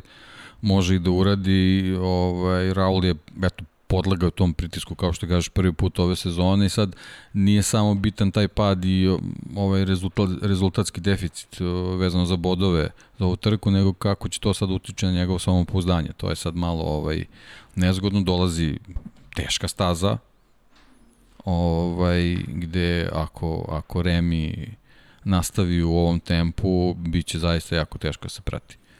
Ne zaboravimo mi prošle godine kada pričamo o Moto3 kategoriji, kada pogledamo ono što smo što je zapravo učinio prošle godine sam Raul Fernandez u Moto trojkama, Deki Asen. Gde je bio Asen? Asen ti, kako učiš Asen? Otići ćeš sada da se boriš protiv Remija Gardera na Asen koji ne poznaješ. A Asen, kao što si rekao, je zahtevan. Mi prošle godine po pitanju Asena smo, nažalost, bili u situaciji da samo možemo da plačemo što se ne održavaju trke tamo. Tako je. 2019. smo bili poslednji put, Raul tada nije bio još u ovoj formi. Ok, brzo se prilagođa vuči, ne sumnjam da će ne, biti ne, definitivno brzo. sve, sve ok, sad je samo pitanje koliko će o, ovaj, ovaj pad da, da utiče na njega. Mislim, ne bi trebalo toliko, zaista. Mislim, stvarno je pokazao da, da, Znaš, da, da onako ume, ume da se, da se Znaš, postavi pripremi za trke i te pol pozicije to pokazuju, ali, ali može svašta se desi. Moj utisak, kada je reč o Raul Fernandezu, nije toliko da će uticati na samo pouzdanje, koliko je možda na agresivnost. To jest, da li će biti previše agresivan u nastavku sezone, pogotovo u Holandiji, da li će pokušati brzo da nadoknadi a to je nemoguće. Ne možeš brzo da nadoknadiš osim ukoliko tvoj rival ne napravi grešku. Tako je. I sada je u Gardnerovim rukama sve. Njegova prednost je ogromna. Remy Gardner je sada u situaciji da mi pričamo o tome da on dominira šampionatom 36 bodova pre hvalavanja. Evo pogledajte ovo, Lo, linija koja se prelomila u ovom trenutku, Marko Beceki koji ne odustaje, Beceki samo 11 pojena manje trenutno ima od Raula Fernandeza. I Raul Fernandez prvi pravi veliku grešku od vodeće trojice. To je ozbiljna rupa tu sada kada pogledamo bodove. Ne, što se tiče Marka, vidi se, on nema, nema mnogo ovaj, oscilacije ove sezone, vidi se i po ovoj liniji, gotovo je ravna ovaj, on čeka tu svoju priliku, ali što se tiče Gardnera, ne teško da, će, teško da će dobiti, da.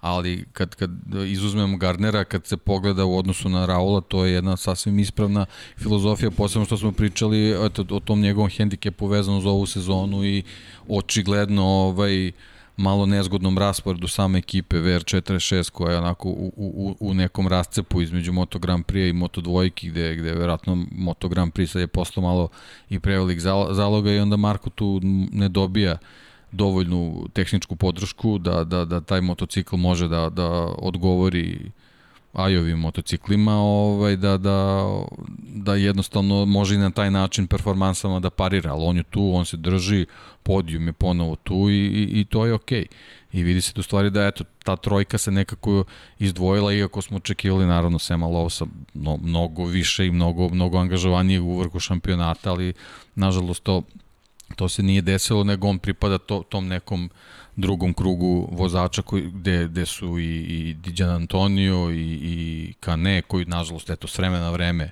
bljesne, nije baš u mogućnosti sa Bosku Skurom da, da svakoj trci može da parira, ali on, on se ne predaje i meni, meni se taj taj ovaj, nastup sviđa čak mi onako i, i, i simpatično deluje u čitavoj toj priči ta njegova borbenost.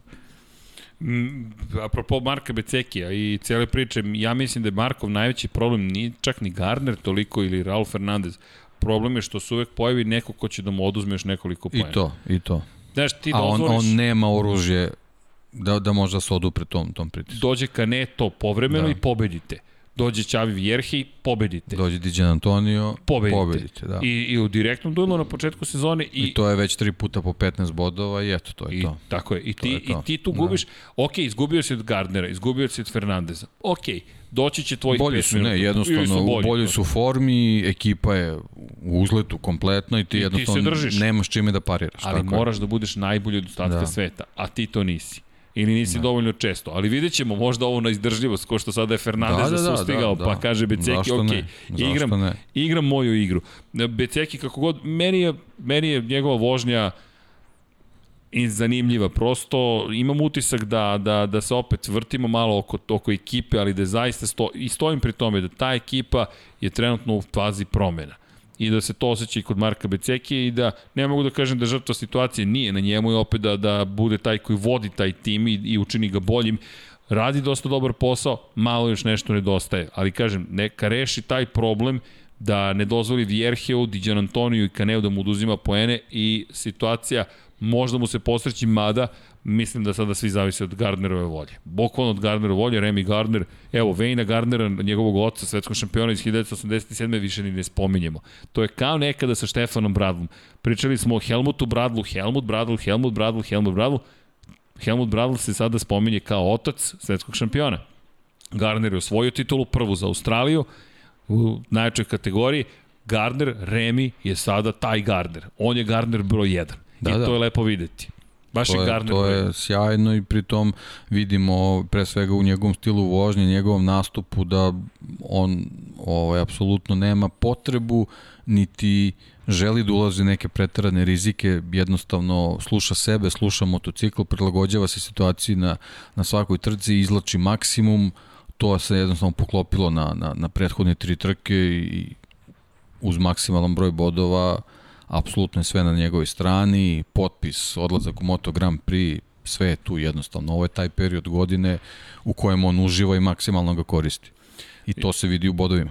Vi- Da, vidi se, bo, ne da se vidi u bodovima, nego po, impresivna je ta skala koja je zakucana gore. Vanja, ili imamo fotku iz, iz špice, ako možeš da izvučeš Remije Gardnera? Meni ova fotka govori onako, milion reči i pogledaj ga.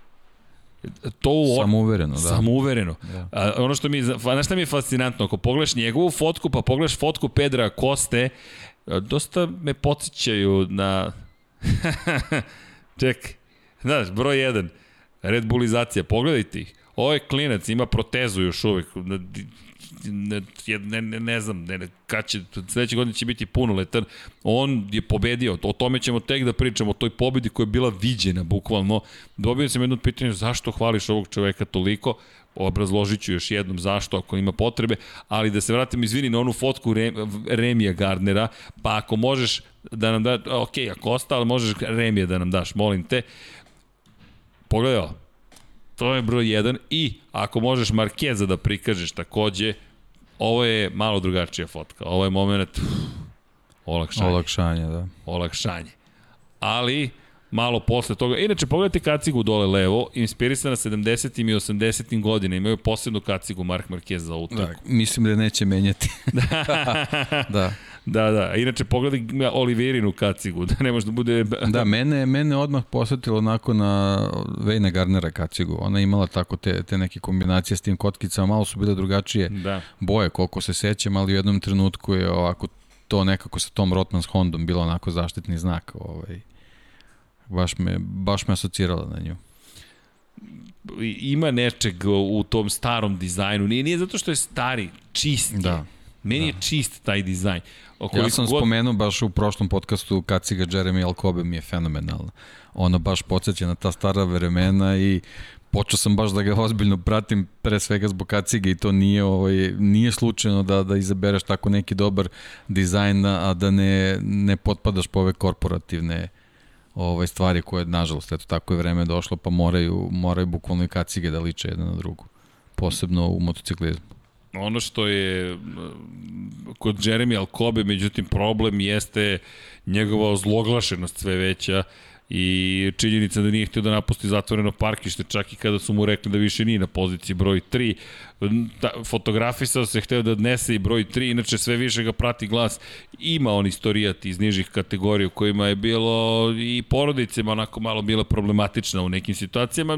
Pričat ćemo nekom drugom prilikom više o tome, ali da, Jeremy Alcoba je opet igrao neku svoju ulogu u Moto trojkama. Međutim, samo na kratko još apropo Moto dvojki, u ovoj trci dve stvari. Augusto Fernandez ponovo je nestao. Ponovo je nestao. Sam Lowe's fantastičan u završnici. Iskreno mislim da ćemo dobiti mislim da će se Sam Lowe's boriti za pobedu u Asenu. To je moje mišljenje. Znaš zašto? Mislim da mu je bio potreban onaj moment napada na Marcelom Schroterom i da koliko god zvučalo banalno, Da se probudi malo. Da, ali znaš, onaj huliganski moment, nešto sam uradio, to sad, sad, i ta potpuno možda ničim potkrepljena vera u samog sebe, ali to, to ponekad ti to treba, slepa vera, pa prosto mora, da veruješ, moraš. Mora, jednostavno, ovaj, on se izgubio potpuno. Potpuno je nestao iz te priče sa, sa početka sezone i, i nešto mora da ga trgne, da, da ono kaže, čekaj, okej, okay, dovoljno sam brz, hajde da, da, da probam nešto da uradim. Ma moraš da veruješ, I, kako, kako beše? A, on je taj koji će da nam spase šampionat. Ako se on ne vrati, To je to. da je to to? Pa, to je to. Ali meni se čini da ovo vraćanje. Hajde. Znaš, hajde. na veri sve to počiva. Da. Kako beše Daleko ono? od toga, znaš, da, da ne želim neki veliki uspeh ovaj, Remija Gardnera, ali, ali treba na malo, malo zanimljivosti neke. Pa Sam Lowe's deluje kao taj. Da. I kažem ti, podsjeća me, apropo vere, teze i beše u Hadu, ne okreći se. Moraš da veruješ da te, ko beše, Ofilija prati, jel tako beše? Ne mogu da se setim. Ali dobro, ima neko ovde da se bavio tim, eh, tom, eh, tom književnošću, Ima, evo ovde, o, davno, davno mašu svi, svi su u podacima, moramo malo da čitamo i te Pustio sam ti na Slack ovaj kacigu Vejne Garnera, samo da vidiš. Opa, na, na to me asociralo. Kaci uspeo to da izvedeš. Pa sad sam nešto tu čačkao. Pa. Jeste, to, to mi je bila asocijacija, da, da, Bukvalno da, je preslikana. Ali u svakom slučaju... Eto, donala mu i sreću, možda ostane s njom. pa vidi, Wayne Gardner, Gardnerov pravac da. i tako dalje. Ali vratio bih se ja na Sema Lowsa, veruj mi, Sam Lowe's, ovo na slepo vam pričam, nemam nikakvu argumentaciju osim tog momenta kada je pretekao i kao da je opet ličio na sam na sebe, Hvala Vanja. No, ne znam da li smo smeli da ovo da pustimo, ovo da ali pustimo, čisto da. Ali, da, zaboravit da, nema veze, da. Eto, čisto to je ta asocijacija. Da. Gasi. Uh, da, dobro, ni, to niste videli. To je bila, to je, to se, de, to je neka... Šta je bilo, ja nisam ne, vidio. Da, ne znam o čemu se priča. Da. Ali, da, kaciga zaista podsjeća na te stare, i meni se dopadaju te stare kacige baš iz te perspektive jasno, jasnoće i lepih, čistih površina gde možeš da vidiš detalje o kojima su pričali. Kada imaš toliko detalja da. da više ništa ne vidiš, to više nisu detalji, prosto to je samo ja neki konstrukcijski blok. Ja se sećam mamoline kacige. Da, to je isto... John Kočinski, svi su imali neke kacige koje su onako stvarno bilo upečatljivo to vreme. Znaš koja je meni iz Formule 1? Žana Lezi mi je, na primjer, vrlo pa, dobro, upečatljiv. Da, da, ne, Žana Lezi je to je, to je u stvari replika kacige Elija De Angelis u njegovu čast je uradio tušaru. Ovaj, ali pričam za motocikle koji su uvijek imali uh, generalno nekako problem znaš, sa tim identitetom vezano za kacige, jer su ih nekako koristili kao da su serijske i onda su oni u jedno vreme krenuli da, da, da ovaj, da ih pravi da, da budu originalnije, dok su vozači u Formuli 1 od trenutka kad su te kacige postale jako bitne, imali te neke prepoznatljive boje, ovaj, tako da to, to neko vreme, 80. 90. su bile onako baš i u motociklizmu jako zanimljivi dizajni. Eto, sad, nažalost, upali smo u, u korporacijske priče, pa ono sve liči jedno na drugo. Ono, da li je motociklista, da li je skakač na skijama, Možeš da li da vratiš, je izvini, skater, potpuno je sve jedno. Da. Ako možeš fotku s Markezom da vratiš na sekund, molim te obrati pažnju u prvom planu na Oliveirinu. Da, čije je to kaciga? Čije kaciga? Može bilo čije da bude. vrlo je, do, da, vrlo je jednostavno. Red Bull, Red Bull, zato smo i spomenuli da, da. Red Bullizacija na sve strane Red Bull, ali u ovom slučaju da, malo je previše korporativno. Mada, mada, lepe su mu šare na vrhu kacige, možete da prepoznate Oliveiru, Ne, dobro, ne moramo da fokusiramo. Ne, dobro, i, i ovaj Marquezov Spider, one što je, što je pripremio na crveno, pa da. je isto, isto e, pa onako čekaj, prilično pa evo moćna. je fotografija da, u samoj moćna. knjizi. Da. Inače, tu imamo neke lepe momente Inače, Vanja, ne, iz nekog razloga su nas obeležili da smo limited za oglašavanje. Opa! Ne znam šta smo to učinili ovoga puta, ali pozdrav svima koji su na YouTube-u trenutno, kako ide u futbolu. Situacija tamo... Bilo je nerešeno. Bilo je nerešeno, još uvek to traje. Da, da. Dobro. Bolje bi im bilo da završi na vreme. Pa ja mislim da hoće. Ajmo mi da nastavimo dalje, imamo mi još puno stvari o kojima treba pričati. Moto trojke, Pedro Acosta. Jednostavna je rečenica, Pedro Acosta, osma trka sezone, dečko ima četiri pobede, uključujući ciklus od tri za redom, jednu iz pit lane-a posle kazne u kvalifikacijama i pobedu koja, ne znam za tebe, deki, ali meni je bila prilično jasna i ujutro me pitao baš Džanki, kaže, ok, na koga tipuješ? A stoji kadar Pedra Kosti. Rekao, evo, tip, zašto? Staza koju poznaje, to smo pričali u Red Bullom kupu, Novajli je tu vozio, bio je prvi i drugi pre dve godine, i moment u kojem je važno da pokaže da nije tek tako ostvario te tri pobedi, to i rekao na kraju trke. Bio je, bilo nam je važan ovaj trenutak. Kako je tebi izgledala trka? Pa, što se mene tiče, pričali smo i u najavi trke. Ovaj, meni je Sachsenring vezan za Moto trojke delovao kao trka gde nećemo imati vozica 15-20 motocikala, gde smo primetili da, da se Akosta nekad onako možda malo lošije snađi u tom ulasku u poslednji krug i onda se desi da da ovaj ne završi trku na podijumu. Ovo mi je delovalo da će biti kao trka ovaj, u kojoj nećemo imati vozica previše o, motociklista u, u, u karavanu. Ovde se izdvojilo nekih šestorica, sedmorica i to je Akosta iskoristio na način kako je koristio ranije prilike za za, za pobedu i jednostavno meni isto kad sam, kad sam video da je, da je trka krenula u tom smeru da, da, da se prave manje grupe vozača ovaj, jednostavno išlo mi je u, u tom smeru da će on stići do, do pobede na prepoznatljiv način. Ili, ili videlo se ponovo dominantan je na, na kočenju, u,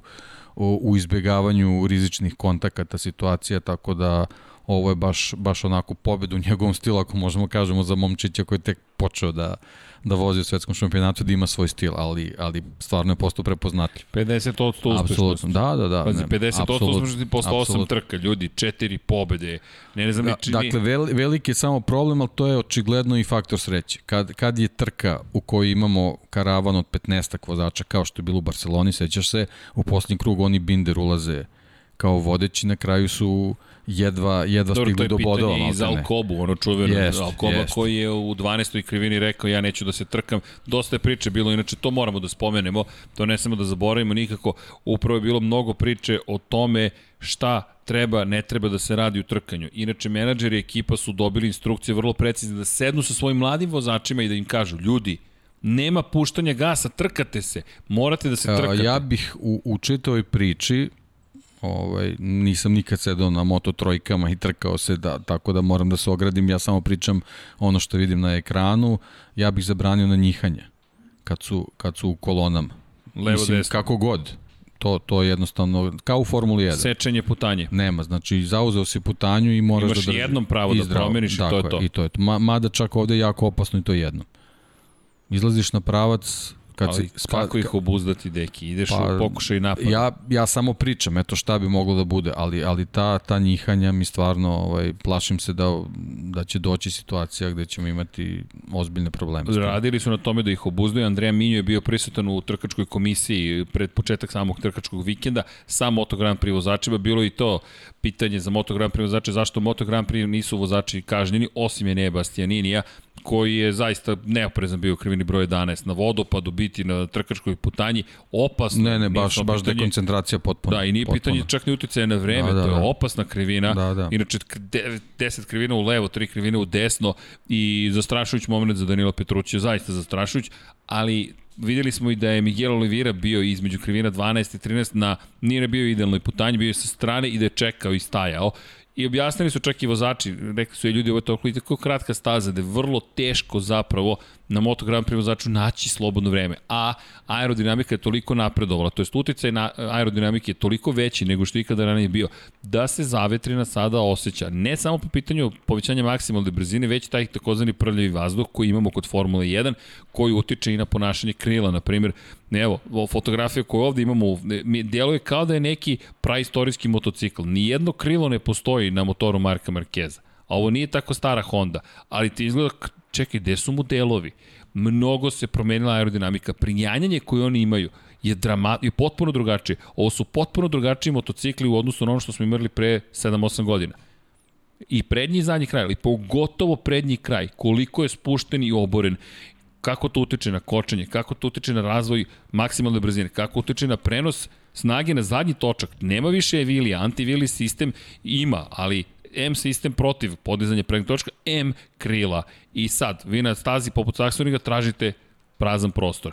Kod Moto trojki malo je drugačije, to je mnogo je drugačija situacija i pričali su menadžerima ekipa, pričali su s vozačima posle prethodne trke i rekli su im po završetku praktično velike nagrade Katalonije, da moraju da promene način ponašanja, da je neoprostivo da se ne trkaju. A to je Jeremy Alcoba učinio. On je pustio gas i rekao, ja ne izlazim prvi, na startnu cijeni praci ja ne izlazim prvi. Sve ok, ali je mnogo opasno u grupi sa 15 vozača. Upravo to, upravo to. Mislim, vozači koji izlaze prvi su osuđeni da tako je između ostaloga Kosta izgubio prvu trku u Kataru. Jeste. To je, Jeste. to je to i on je to naučio i, i već na sledećoj trci je ovaj, zabeležio pobedu. Ali ja je, kažem, pričam posebno one situacije što smo imali u Barceloni, na onom, na onom dugačkom startnom pravcu, one onako nagle, nagle promene položaja motocikla, mislim ne mogu kažem putanja, ali nagle, nagle ovaj, položaj ležanja motocikla, to je onako stvarno, to je, to je nešto što bih ja za početak ovaj, pokušao nekako da, da, da sprečim pa da vidimo gde će to voditi. Meni, iz, to je bilo pitanje prošle nedelje, e, kada sad pogledam šta se sve dešavalo, delo je nemoguće da ti sprečiš te momke da se bore na određeni način.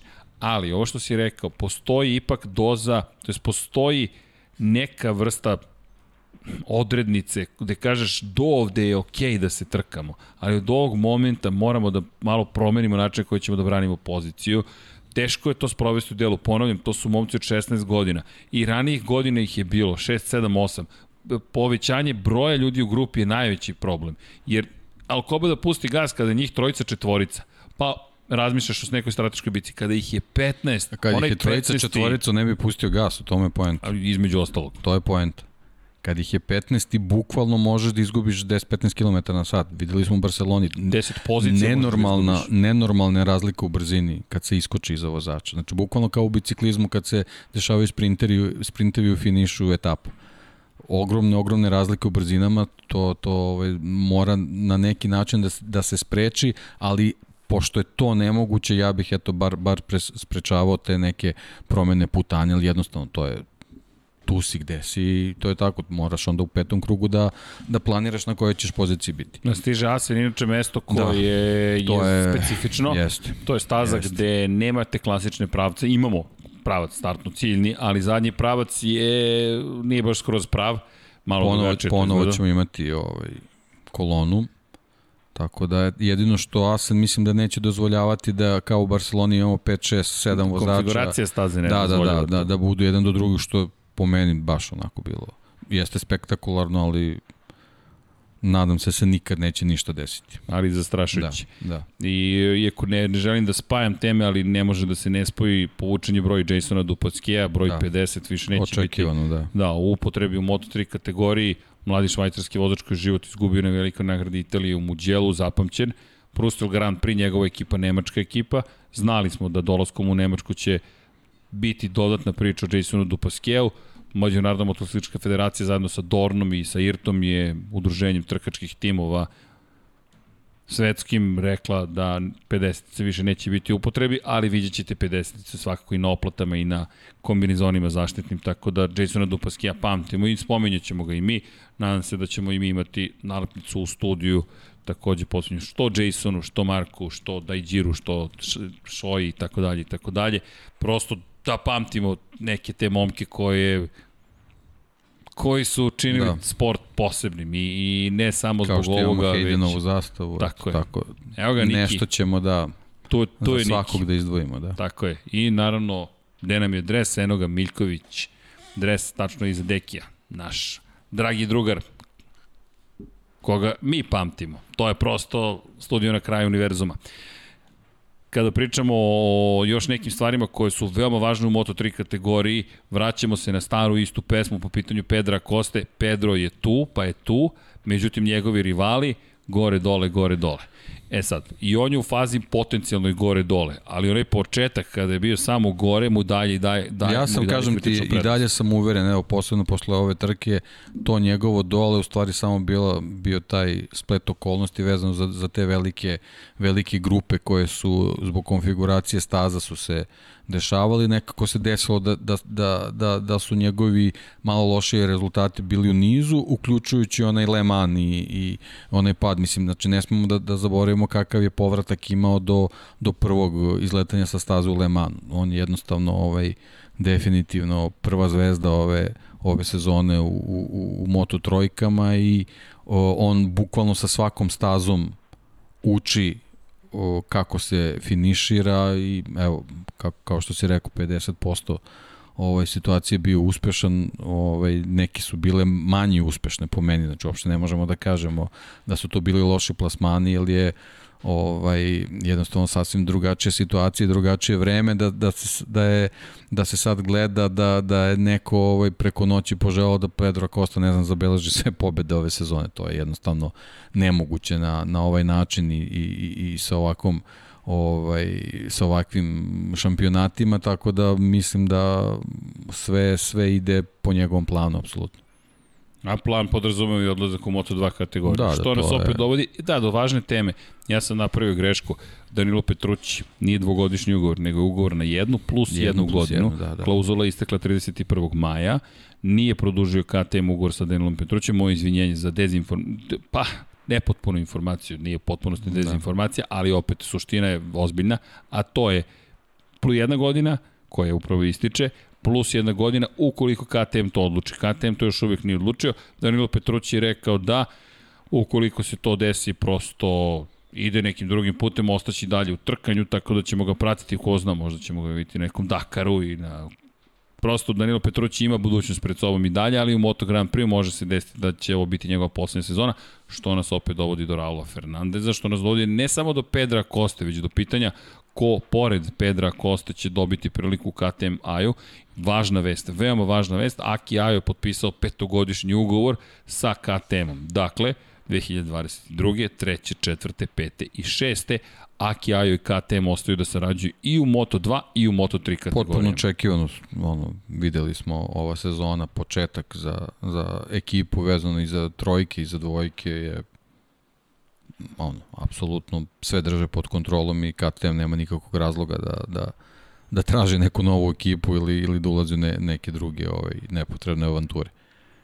Jednostavno, pravi potis. I mislim da je negde pokazatelj možda drugim timovima. To, o, kao što smo juče pričali, izvini, Formula 1, ovo je akademija. Tako je. E, bravo, A ovo je to je to. akademija. Ko je kod Honda zadužen za to? Honda Team Azije. Međutim, šta je tu problem?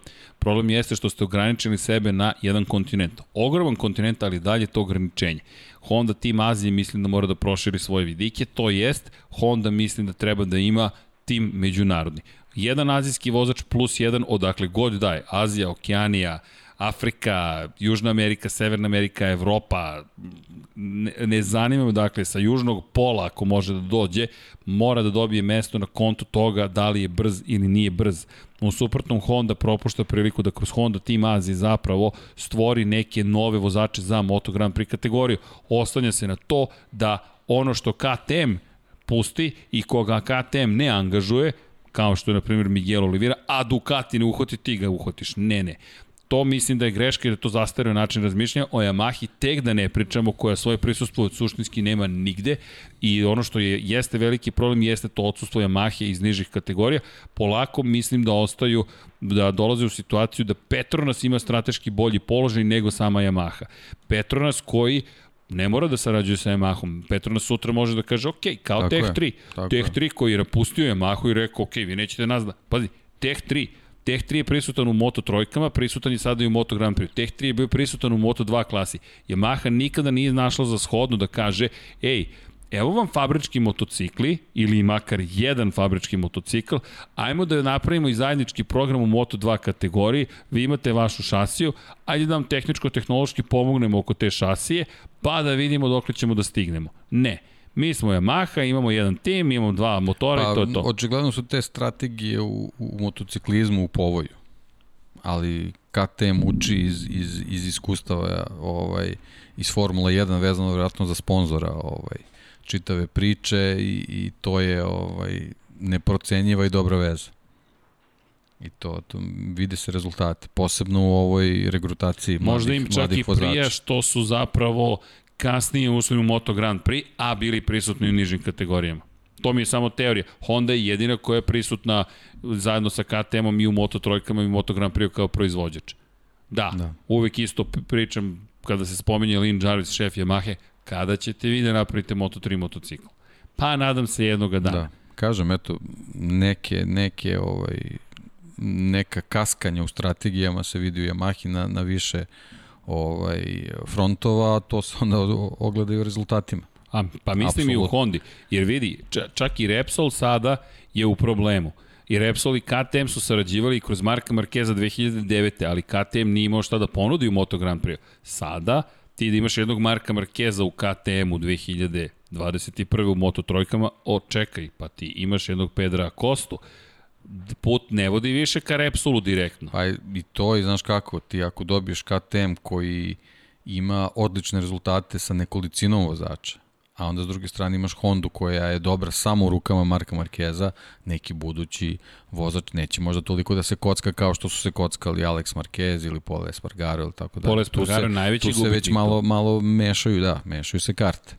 On je imao jednu jako lepu ovaj situaciju, ali to je opet ono što smo pričali, trenutni status i rating Repsol Honda je takav da to, to, to se ne odbija. Ne odbija Bukvalno ne odbijaš. Ne odbijaš. E sad, ako, ako ovako ovaj, posrtanje se nastavi, ovaj, neki mladi vozači će možda drugačije da gledaju neke stvari. To, to što mi gledamo i što je nama Repsol Honda legendarna, njima možda više neće biti. Ne mora Jer da oni, oni nemaju toliko pamćenje koliko pa mi imamo. Znači, zadnjih nekoliko sezona se gledaju i ti kad napriš presek i vidiš samo da je Marquez taj koji pobeđuje, Koliko ljudi koji su odrastali uz, u 80-ima McLaren posmatraju na jednim posebnim očima a koliko klinaca i klinki gleda McLaren iz 2018. Da, 17. Ali evo sad smo spomenuli, ja, ja se sećam Rotmans Honda. Pa, da, kako je to uticalo ja se sećam i toga, sećam se Marlboro Yamaha. Znači, to je neka skroz drugačija priča bila. Marlboro Yamaha je bila kao što je bila McLaren Honda. Dobro, sad su bitke energetskih sponzora, energetskih Pa dobro, pića. da, nego pričam čisto o, o nevezano za sponzora, znači pričam o nekim ekipama koje pa su da, tada dominirale. Ali Red Bull KTM, e, e, znaš, da. to je spoj, to je spoj na austrijskom nivou. To je austrijski nivo, da, to je, je nacionalni nivo. To je nacionalni da. nivo i ti sad zašto, i da, i da nastavimo tu priču o Red Bullizaciji. Oni su ljudi odneli toliko pobjeda ovoga vikenda da ti se sedneš i kažeš čekaj, kao da, da, prosto nametnulo se. Kakva nametnulo je to reklama? Se. Kakva je reklama? Oni su to na toliko mesta, pa evo mi, sponzori, pa mi nemamo klasične sponzore u tom kontekstu energetskih pića. Imamo ogromnu imamo podršku da. Monstera, da. imamo prijatelje koji nam obezbeđuju kacige, koji Pa ljudi nisu ni zva, nikad rekli, ej, možete da stavite limenku na sto ili tako nešto.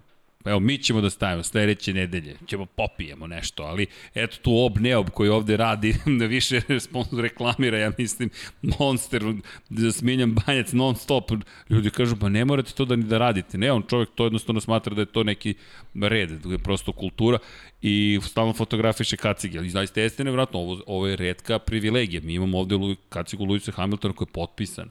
I Rosko i Rosko, i Rondi, mori Rosko da potpiše, čekaj šta. Ali to je tu. Eno je kaciga Valentino Rossi, eno je kaciga Jorge Lorenzo, to su njihove autentične potpisane kacige. Naravno, pored sveg, svih uspomena koje ste vi podelili sa nama, šarenoliko, naravno da je šarenoliko svega ovde ima, stiže još stvari, eno stigo je PlayStation tamo u pozadini, stigo je router, ej, i to dva, E, deki, dva Molim smo te uzeli. napomeni, Dva da. smo kupili load balansera, nismo stigli da ih postavimo dok smo sve pokupili, ali stigli su ruteri, pa nadamo se da više nećete morati da izgovorite, nabavite bolji internet ili boljeg internet servis provajdera, dva rutera, load balansera, nisu baš klasični load balanseri, ali ajde.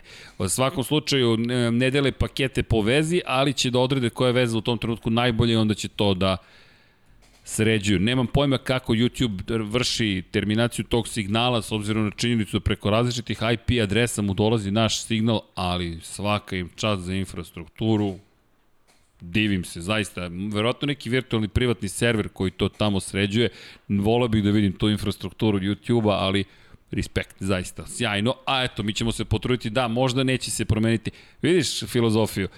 To što nam je dato, e, mi ćemo da se prilagodimo i da izvučemo maksimum iz toga što imamo. Imamo je. tri internet veze, ponekad ni jedna ne radi, ali redko, uvek neka makar živ, živa je, pa sad da ne bi Dom Pablo čupo kablove ili Vanja, to će router da radi za nas na softverskom nivou. Idemo dalje, kada pričamo o Red Bullizaciji, Red Bull Cup Novajlija i potpuna ludnica u trci broj 2, pre, pre svega bih to istakao, David Alonso, Daniel Olgado, David Munoz, Marko Uriarte, Ivan Ortola i gospodin Bertele. Ko je gospodin Bertele? Čovek koji je zabeležio Mateo Bertele prvu pobedu u karijeri u Red Bullom kupu Novajlija.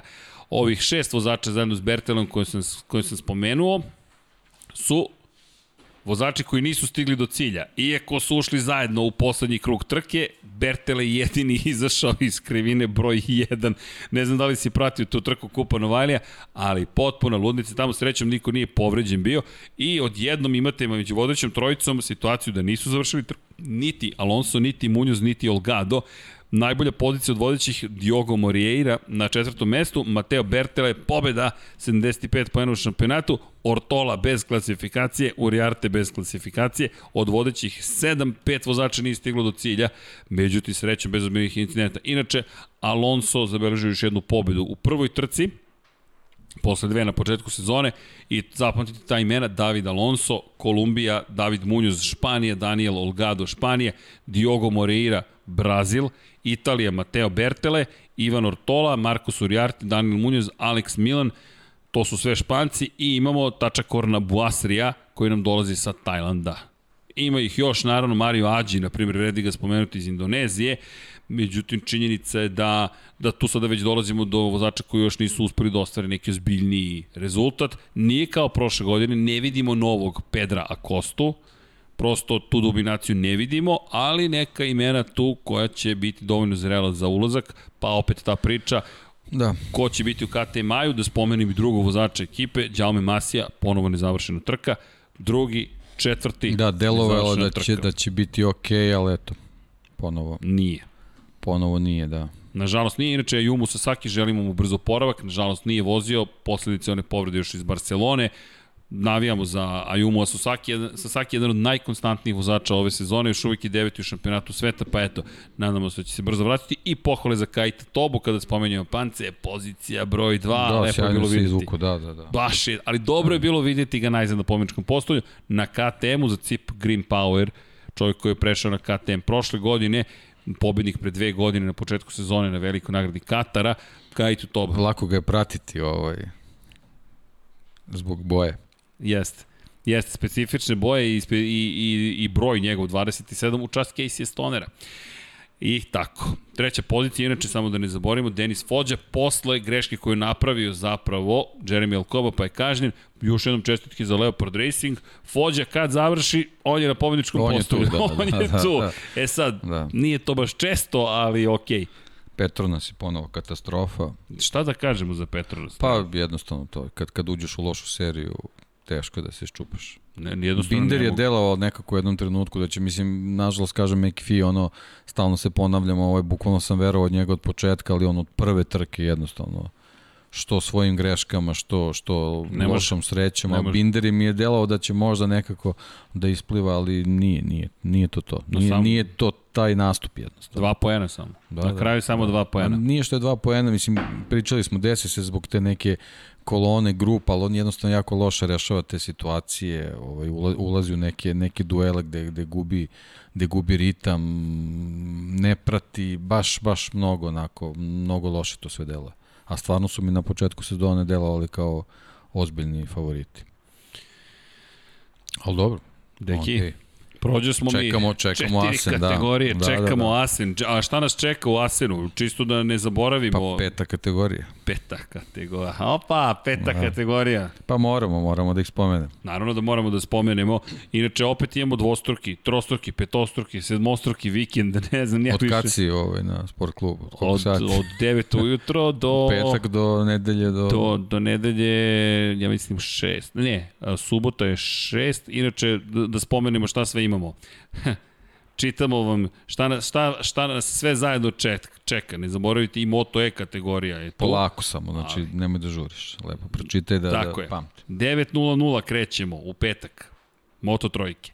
9.55 Moto Grand Prix, 10.55 Moto 2, 11, 4, ne, izvinjam se, 11.50 Moto E, 13.15 Moto 3, pa odmah posle toga Moto Grand Prix 14.10, u 15.10 Moto 2, u 16.50 Moto E.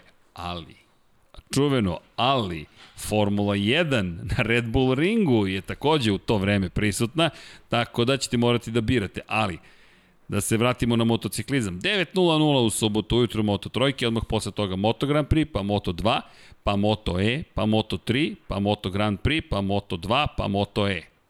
E sad, tu bi nekada bio i kraj. Ali, još jedno ali, kup talenata severa je u pitanju ovoga vikenda, tako da ćemo i Northern Talent Cup pratiti. Ako vam to nije dovoljno bilo, dakle, eto, još jedno takmičenje i ćemo imati u Asenu, ne da će biti gužva, nego od početka do kraja vikenda se družimo, od 8.40 u nedelju, ne mogu da čitam sve, ali tamo negde do 16.00, otprilike sve moguće trke.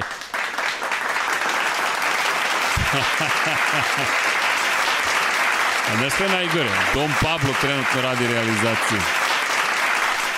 Samo malo tiše, ovaci, mislim da... Ovaci, da, da, ovaci. ovaci. Ali da, bit će zabavno i tako. Ali da. Dobro, kup talenta Severa je zanimljiv.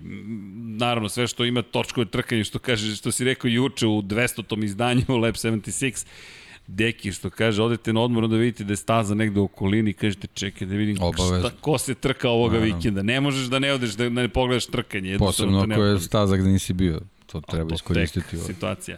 Pa i čak i da nema trkanja, moraš da odeš. Prosto to je hram. I to. To je to da istrčiš. Da istrčiš ili da vidiš makar, da vidiš kapiju i da kažeš, ej, pozdrav, bio sam tu. Dakle, Deki, iza nas e, uzbudljiv vikend, sve počeo od Marka Markeza, nećemo tu završiti još pitanja, imamo naravno i odgovore. Pozdrav još jednom za Šejlu koja je tu sa nama kao prijatelj iz nje, pozdrav. Inače, gde nam je Milica nestala u celoj ovoj priči? Nestade Milica. Dobro, tu, je, tu, je, tu je, tu je negde, aha, kafa, okrepljujući na pici i ostalo, pozdrav za Ivana, pozdrav za sve koji nas pratite, ako možete, udrite like, naravno subscribe i sve ostalo, ukoliko ste raspoloženi. Na Patreonu pružite podršku, kupite majice infinitylighthouse.com kroz shop i još jedna bitna stvar, kako stojimo u fantaziju Dejane Potkonjače, to je ono što je veliko pitanje, kakva je situacija kada je reč o fantaziju. Koji si u fantaziju? Mm, kako sam rekao, sto, sto i nešto, ali tako? Ne, ali to za formu? Ček, moram proveriti. Ma, molim te, proveri. Izvinjam se, moram da Pazi, da proverim. ja to. sam trenutno sa trkom manje 291. od 593 sa trkom manje, ali činjenica, ovoga puta sam povukao jedan dramatičan potez, upotrebio sam, jel te, dodatne poene. Znaš koga sam izabrao? I da, promenio sam vozača. Miguel Oliveira. Miguel Oliveira, Gold Rider, Joan Zarko, ja, Joane, Joane, šta si mi učinio od Ducati, Joan Mir i Francesco Banjaja, ali Oliveira mi je tu pomogao da malo skočimo. Međutim, u prethodnoj trci 135,5 poena. 319 300... O, ili imaš sve trke? Pitam, pa za, pitam za druga. Pa imam. imam, imam. A, dobro, dobro. Pa pazi, uz još jednu trku Verao sam Rinsu suviše dugo. ne bih bio toliko loš. Ali okej, to šta bi bilo, kad bi bilo. Floyd i dalje ovde, Ali Floyd. trenutni tim je onako baš baš Je, čudan. pa Vidi ga Floyd. Posebno za Asa. Pa Floyd ubacio Marka Markeza u srebrne vozače.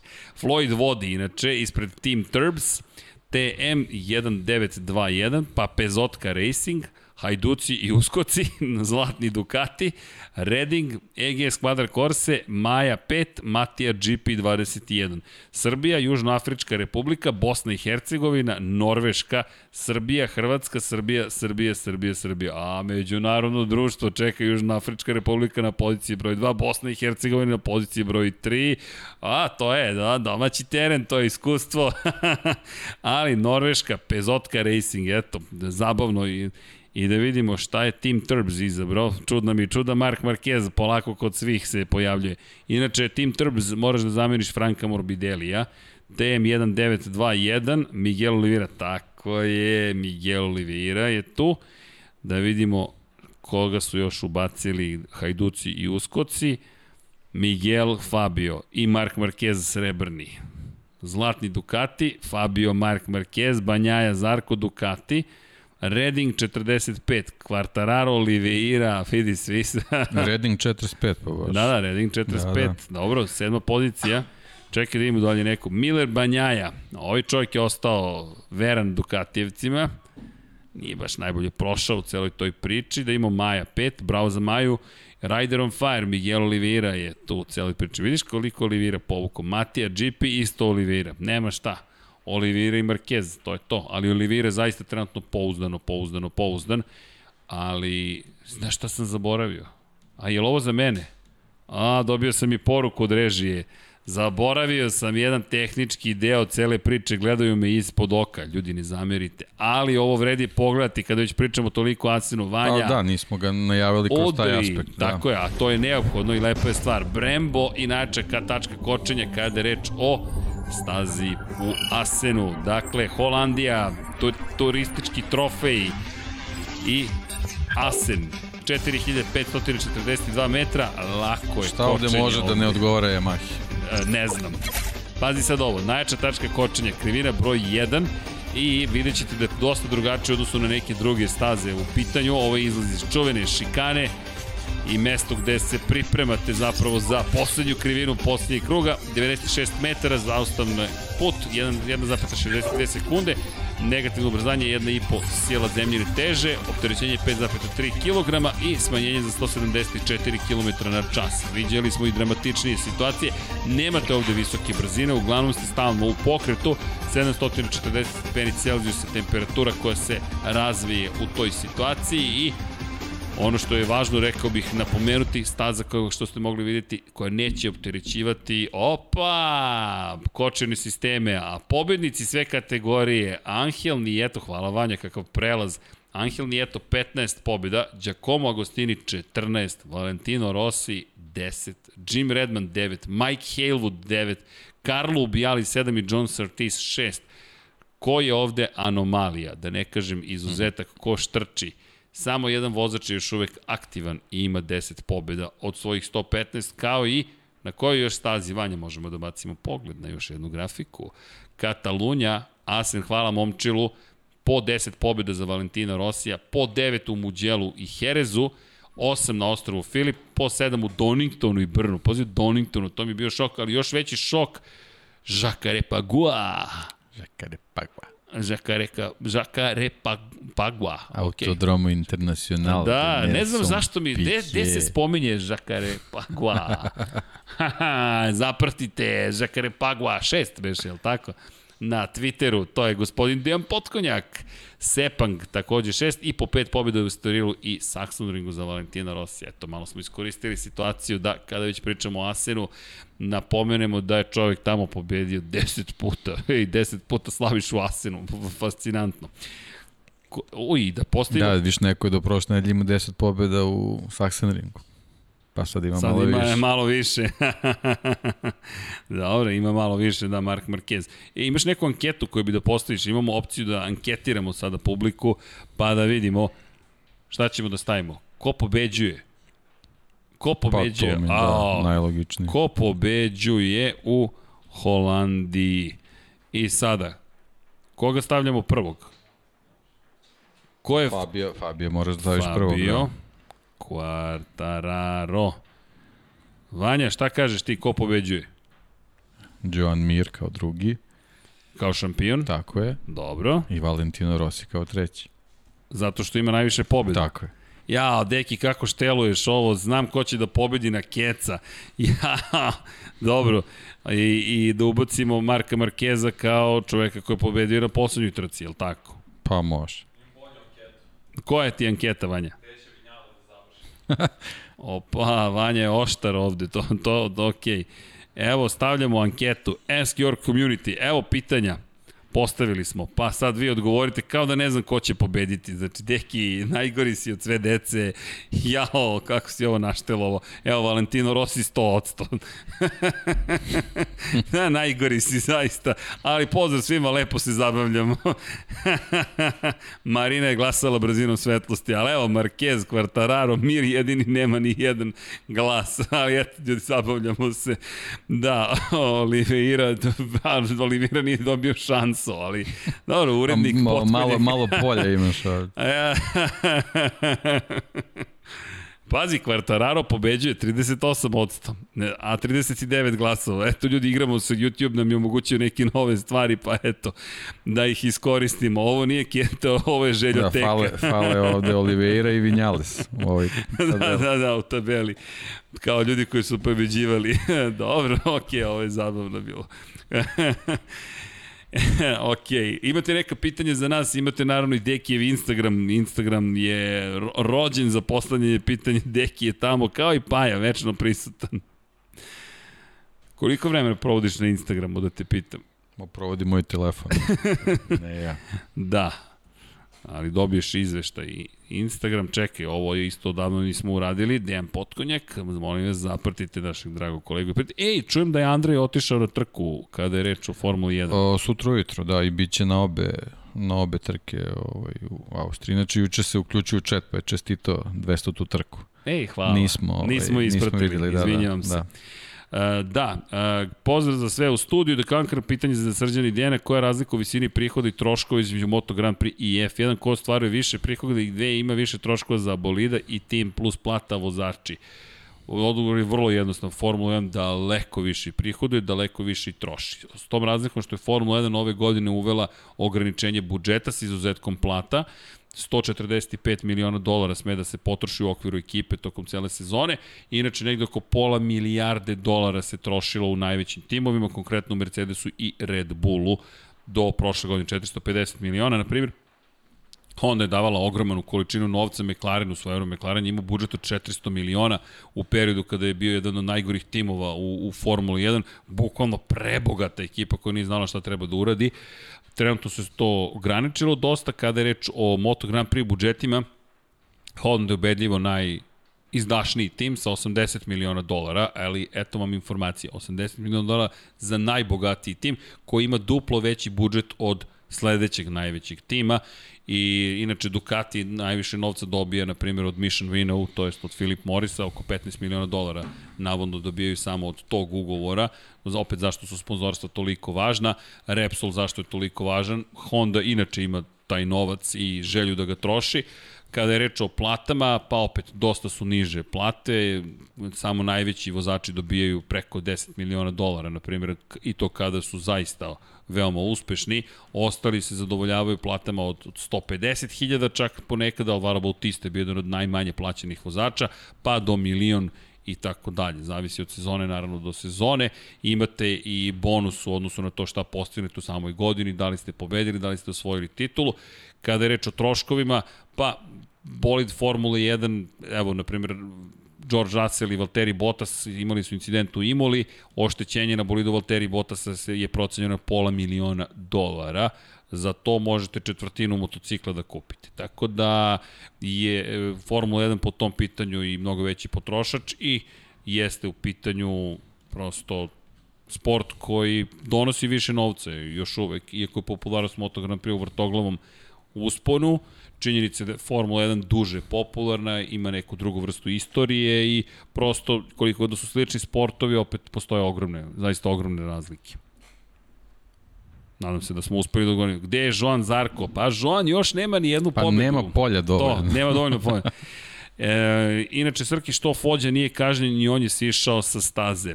Pa to je sad to čuveno pitanje. U kom momentu, gde, šta je učinio i kako. Ono što je problem sa kaznom Jeremy Alcobe što se desilo u predposlednjem krugu, ne u poslednjem krugu. Tako da nije baš da razumemo ponekad tumačenja nekih pravila, ali tu se vraćamo opet na priču o direkciji trke koja uvijek odigra neku veću ulogu nego Dobro, što on je bio nasmejan, tako da, Da, okej. da. E, Ako on dobro podneo, podnećemo i mi. Mada Srđane, nam se ne sviđa. Na prošloj trci si oko 60 puta rekao Pedro Acosta brojala Samo? sam Ara Burija. Ma, Ali Samo. jesam predvideo kod... više. Ali čekajte, čekajte. Da bismo uradili komparativnu analizu, morate da prebrojite koliko puta sam spomenuo i nekog drugog. Mm, šta ako sam 61 put spomenuo Jaume Masiju? Nisam mogao, nažalost izleteo, ali Serhija Garciju ili nekog pa drugog. dobro, napričamo neki koeficijent po broju krugova, koliko je ko na stazi. Jer tek onda može da se dobije poređenje, to je da se dobije neka jasnija slika. Šta ako sam 120 puta rekao Denis Fođa? Evo, Don Pablo odmahuje glavom nisi. Ali zašto? Zato što se je videlo da će Pedro Costa da pobedi. Hvala za prejak odgovor, nema na čemu, The Conqueror, tu smo.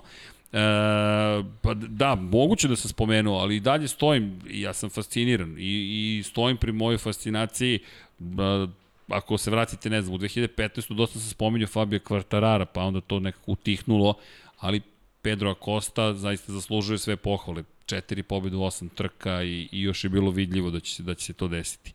E, Da odgovorim, da, ognjen, eto, zaista ne znam, ali proverit ću da li postoji neka dodatna informacija, čisto sumnjam.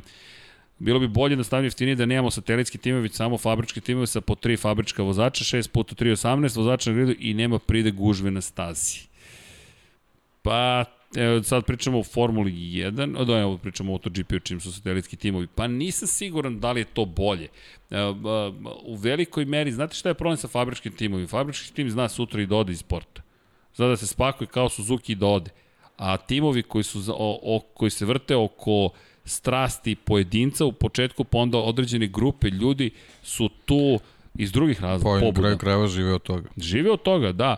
To postane biznis, ali je krenulo kao jedna ludačka strast gotovo. I zaista koristim taj pridev, zato što nemate baš racionalno objašnjenje u početku. To je silna energija, silna, silan novac, želja da postanete nešto gotovo nemoguće. Ali pogledajte, gde bismo bili, na primjer, bez eh, teh 3 Yamahi u jednom trenutku, teh trojki pitanje je e, koliko bi dugo, na primjer, koliko bi vozača dobilo prave prilike, koliko dugo bi smo imali period u kojem je Colin Edwards, na primjer, imao i neki nastavak karijere, ali važnije od toga, Joan Zarko dobio šansu, dobio šansu, nemojmo zaboraviti, Pole Spargaro u toj ekipi, Teh 3 je stvarao nove, neke nove vozače, Karl Kračlo je dobio tamo priliku, Andreja Doviciozo je oživeo svoju karijeru u Teh 3 ekipi, ne bi ga niko angažovao, Tako da mislim da imaju svoju ulogu. Drugo, to je porodična atmosfera. Fabrike su vrlo korporativne, baš su korporativne. Vama kada dođete u Lučiće Kinelo Racing je podjednako im je važno da se pohvale dobrim ručkom i da vas ugoste i dobrom trkom. Sad možda je to malo previše hedonistički, ali to je lepota života, da, da, da uživamo u tom trenutku, da kažemo, ej, lep je provod. Kad odete do ekipe Fausta Gresinija, ljudi, to tamo, ta, tamo su emocije čak prejake sada. Tamo su emocije sad prejake. Vi odete i onda gledate sliku da Iđira Kata, pa gledate Marka Simončelija, pa gledate, da, i Fausta Gresinija fotografiju, pa gledate neki ljude koji su sve to prošli, proživeli, teško je, ali istovremeno oni su radili to što žele i vole, to ne može niko da nadoknadi. Zamislite da nemamo, na primjer, Sić 58 ekipu. Ja to ne bih voleo u Moto Grand Prix-u, pri čemu fabrike Znate kako, kad neko u nekom, za nekim korporativnim stolom, upravnim odborom je rešio, nema više programa Moto Grand Prix. Nije taj neko nikad ni došao u padok, nije osetio tu energiju. Ili ako je bio, to je njemu još jedan posao i P&L, profits and losses, jesmo mi ovde u plusu, nismo, u MotoGP-u nikad niste u plusu, to, to je to je, ide u marketički budžet, u, u research and development i marketing. I to je manje više to ali strast je ta koja ne može da se kupi. I ti mali timovi zato su Dorni toliko važni, Ducati ih je takođe podržao, Izdvojio sam par, ali i Avintija koja nestaje važna. Pa evo, ekipu Valentina Rosija, verujem da će mnogi podržavati. Petronas nam je dao spas praktično. Mark VDS Racingu, to, to su, mislim da su to baš ozbiljne ekipe. I važne iz, iz, iz mnogo perspektiva. Zarko bi bio mnogo bolji u Teh 3 nego sad na kvalifikacijama je ekstra, utrati se pogubi. A nije se on ima, mislim da je Zarkov problem ako pogledate pažljive rezultate, ako staza nije baš Ducatijeva staza, ako ima neku zbiljniju manu iz perspektive konfiguracije tog motora, kao što su Jerez i Saxon Ring, Zarko je tu loš. Neverovatno je koliko i Jack Miller i Francesco Banjaja više izlaz, izlače na stazama koje ne odgovaraju Ducatiju. Men, to je neki zaključak iz ovih prvih osam trka. U Herezu Zarko nevidljiv. Na pobedničkom postolju i Banjaja i Miller. U Saxon Ringu nevidljiv, a Banjaja i Miller nisu imali lošu trku.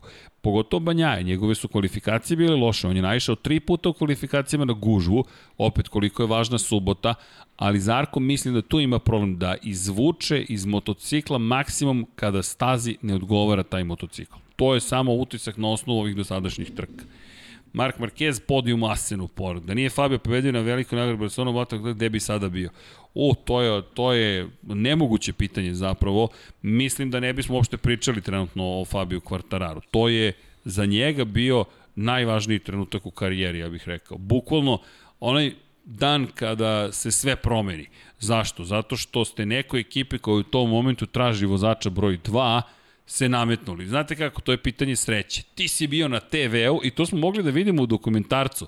Oni idu ovako kroz spisak vozača i ovako, Fabio Quartararo, ej, pobedio je. Ima nešto u tom klincu, znamo da je bilo i ranije i dobija ugovor i pobeđuje ne samo Franka Morbidelli, nego sve, osvaja pol pozicije, bori se s Markom Markezom i gde bi bio, pa verovatno ne bi bio ovde, verovatno bi još uvek negde bio u Moto2 kategoriji. Mislim da se moj računar potpunosti sada šlogirao. Tako da ćemo morati da se oslonimo, o, morat ću da nekako pokušam da ga oživim. Dajte mi sekund, molim vas, dragi, malo, malo sam preterao sa otvorenim prozorima. Pa je ovde rešio da me izbojkotuje, ali ćemo sada da ga oživimo. Deki, ima pitanje kod tebe. Uh, evo ovako, pa mogu da vidim sa, sa četa, ovaj, ako se tebi, ovaj, sam da im na Instagram, da, možeš. Instagram da proverim. Pitanje za srđana zašto ne koristi Instagram? Jao, zašto ne koristim Instagram? Pa zato što toliko poruka trenutno stiže, ne stižem da odgovorim na sve, a pokušavamo da sredimo dosta toga. Nemam neko pametno opravdanje. Ovde već me, već me gledaju zašto nisam uradio jedan zadatak, zašto nisam uradio drugi zadatak. Ja se pravdam, imam 10 zadataka, međutim, odgovor je bio baš nas briga. Rekao si da ćeš to uraditi, ima da uradiš. Tako da, eto, Ne, nisu toliko strogi prema meni, nego samo pokušavaju da me nateraju da, da, da završim obećano. Da. da, Dom Pablo imam još jedno obećanje koje sam dao. Luka pita, da li mislite da Holandija može da bude loša za Markeze, ali ima više krivina u desno nego Nemačka i da li je razlog njegove bolje vožnje u Nemačkoj upravo više levih krivina koje bolje hvata? Pa to je teorija koju smo iznali i prošle pa, Da, može, može. Ima smisla. Ima, ima ovaj uticaja sigurno nekog. I ima ono što da. je još važnije u celoj priči, to ono što smo mi viđali zapravo tokom prethodnih godina, ono što o čemu se dosta pričalo, da su njegove krivine u levo, a deset ih je ovde, tri je samo u desno i slažem se, mislim da će biti mu mnogo teže. Pored toga, on još uvijek nije u potpunosti oporavljen. Ja mislim da ćemo tek doći u Austriji do toga da pričamo o nečemu što podsjeća na onog starog Merkeza. Velika pobjeda, važna pobjeda, ali još uvek on nije došao na taj nivo koji nekada zauzimao. Sad, da li će ga ikada doseći, ja verujem da hoće na osnovu svega što trenutno vidimo, samo mislim da to nije još Holandija. To je moj utisak. Da. To ne znači da će biti spor, naprotiv, samo mislim da neće se desiti ovo što se desilo u Saxon Ringu. Da. I pride, uračunajte na Oliveiru. Vrlo ozbiljno računajte na Oliveiru. Ja mislim da Oliveira i KTM sada nošeni svim ovim što se događa i činjenicom da na svakoj stazi bilo koje konfiguracije su brzi i te kako ono što si rekao su optimistični računaju na dobre rezultate. Da, da. Apsolutno se slažem. Duboko stojim pri, pri, pri tome. E sad samo da pokušam da vidim da li sam uspeo da oživim računar. Bojim se da nisam. Ako nisi, evo onda još jedno. Dragan Matić, tehničko pitanje, zašto Moto Grand Prix motocikli imaju obrnuti raspored brzina u odnosu na serijske ili bolje obrnuto, zašto serijski motocikli nemaju raspored kao Moto Grand Prix? E, Pa, govorimo, pretpostavljamo o promenama. Pa da, Da, okej. da praktična je stvar jednostavno. Pa, pa da, to je, o tome smo pričali svojevremeno, davno, verovatno. A, sad zašto? Pa da... ne, evo, navika. praktično. Sad zamislite Moto Grand Prix mot motociklistu na stazi, nagnut je na stranu gde se nalazi papučica za promenu stepena prenosti, sad zamislite da ubrzava tako što zavlači nogu ispod i diže. To je jednostavno To je nemoguće. Ne Znači, se mnogo je prirodnije da kad se ubrzava da, da se pritiska ne ovaj, sećam nego da se ko je prvi u, u, uveo to, ali Randy Mamolo to lepo, ja mislim da je Randy Mamolo ili ne, neko iz starih generacija objašnjavao, van ravnoteže izbacuje motocikl prosto. Kada ste već na gasu i hoćete da, da idete u ovom smeru, jel ti? Idete je. tamo, pravo.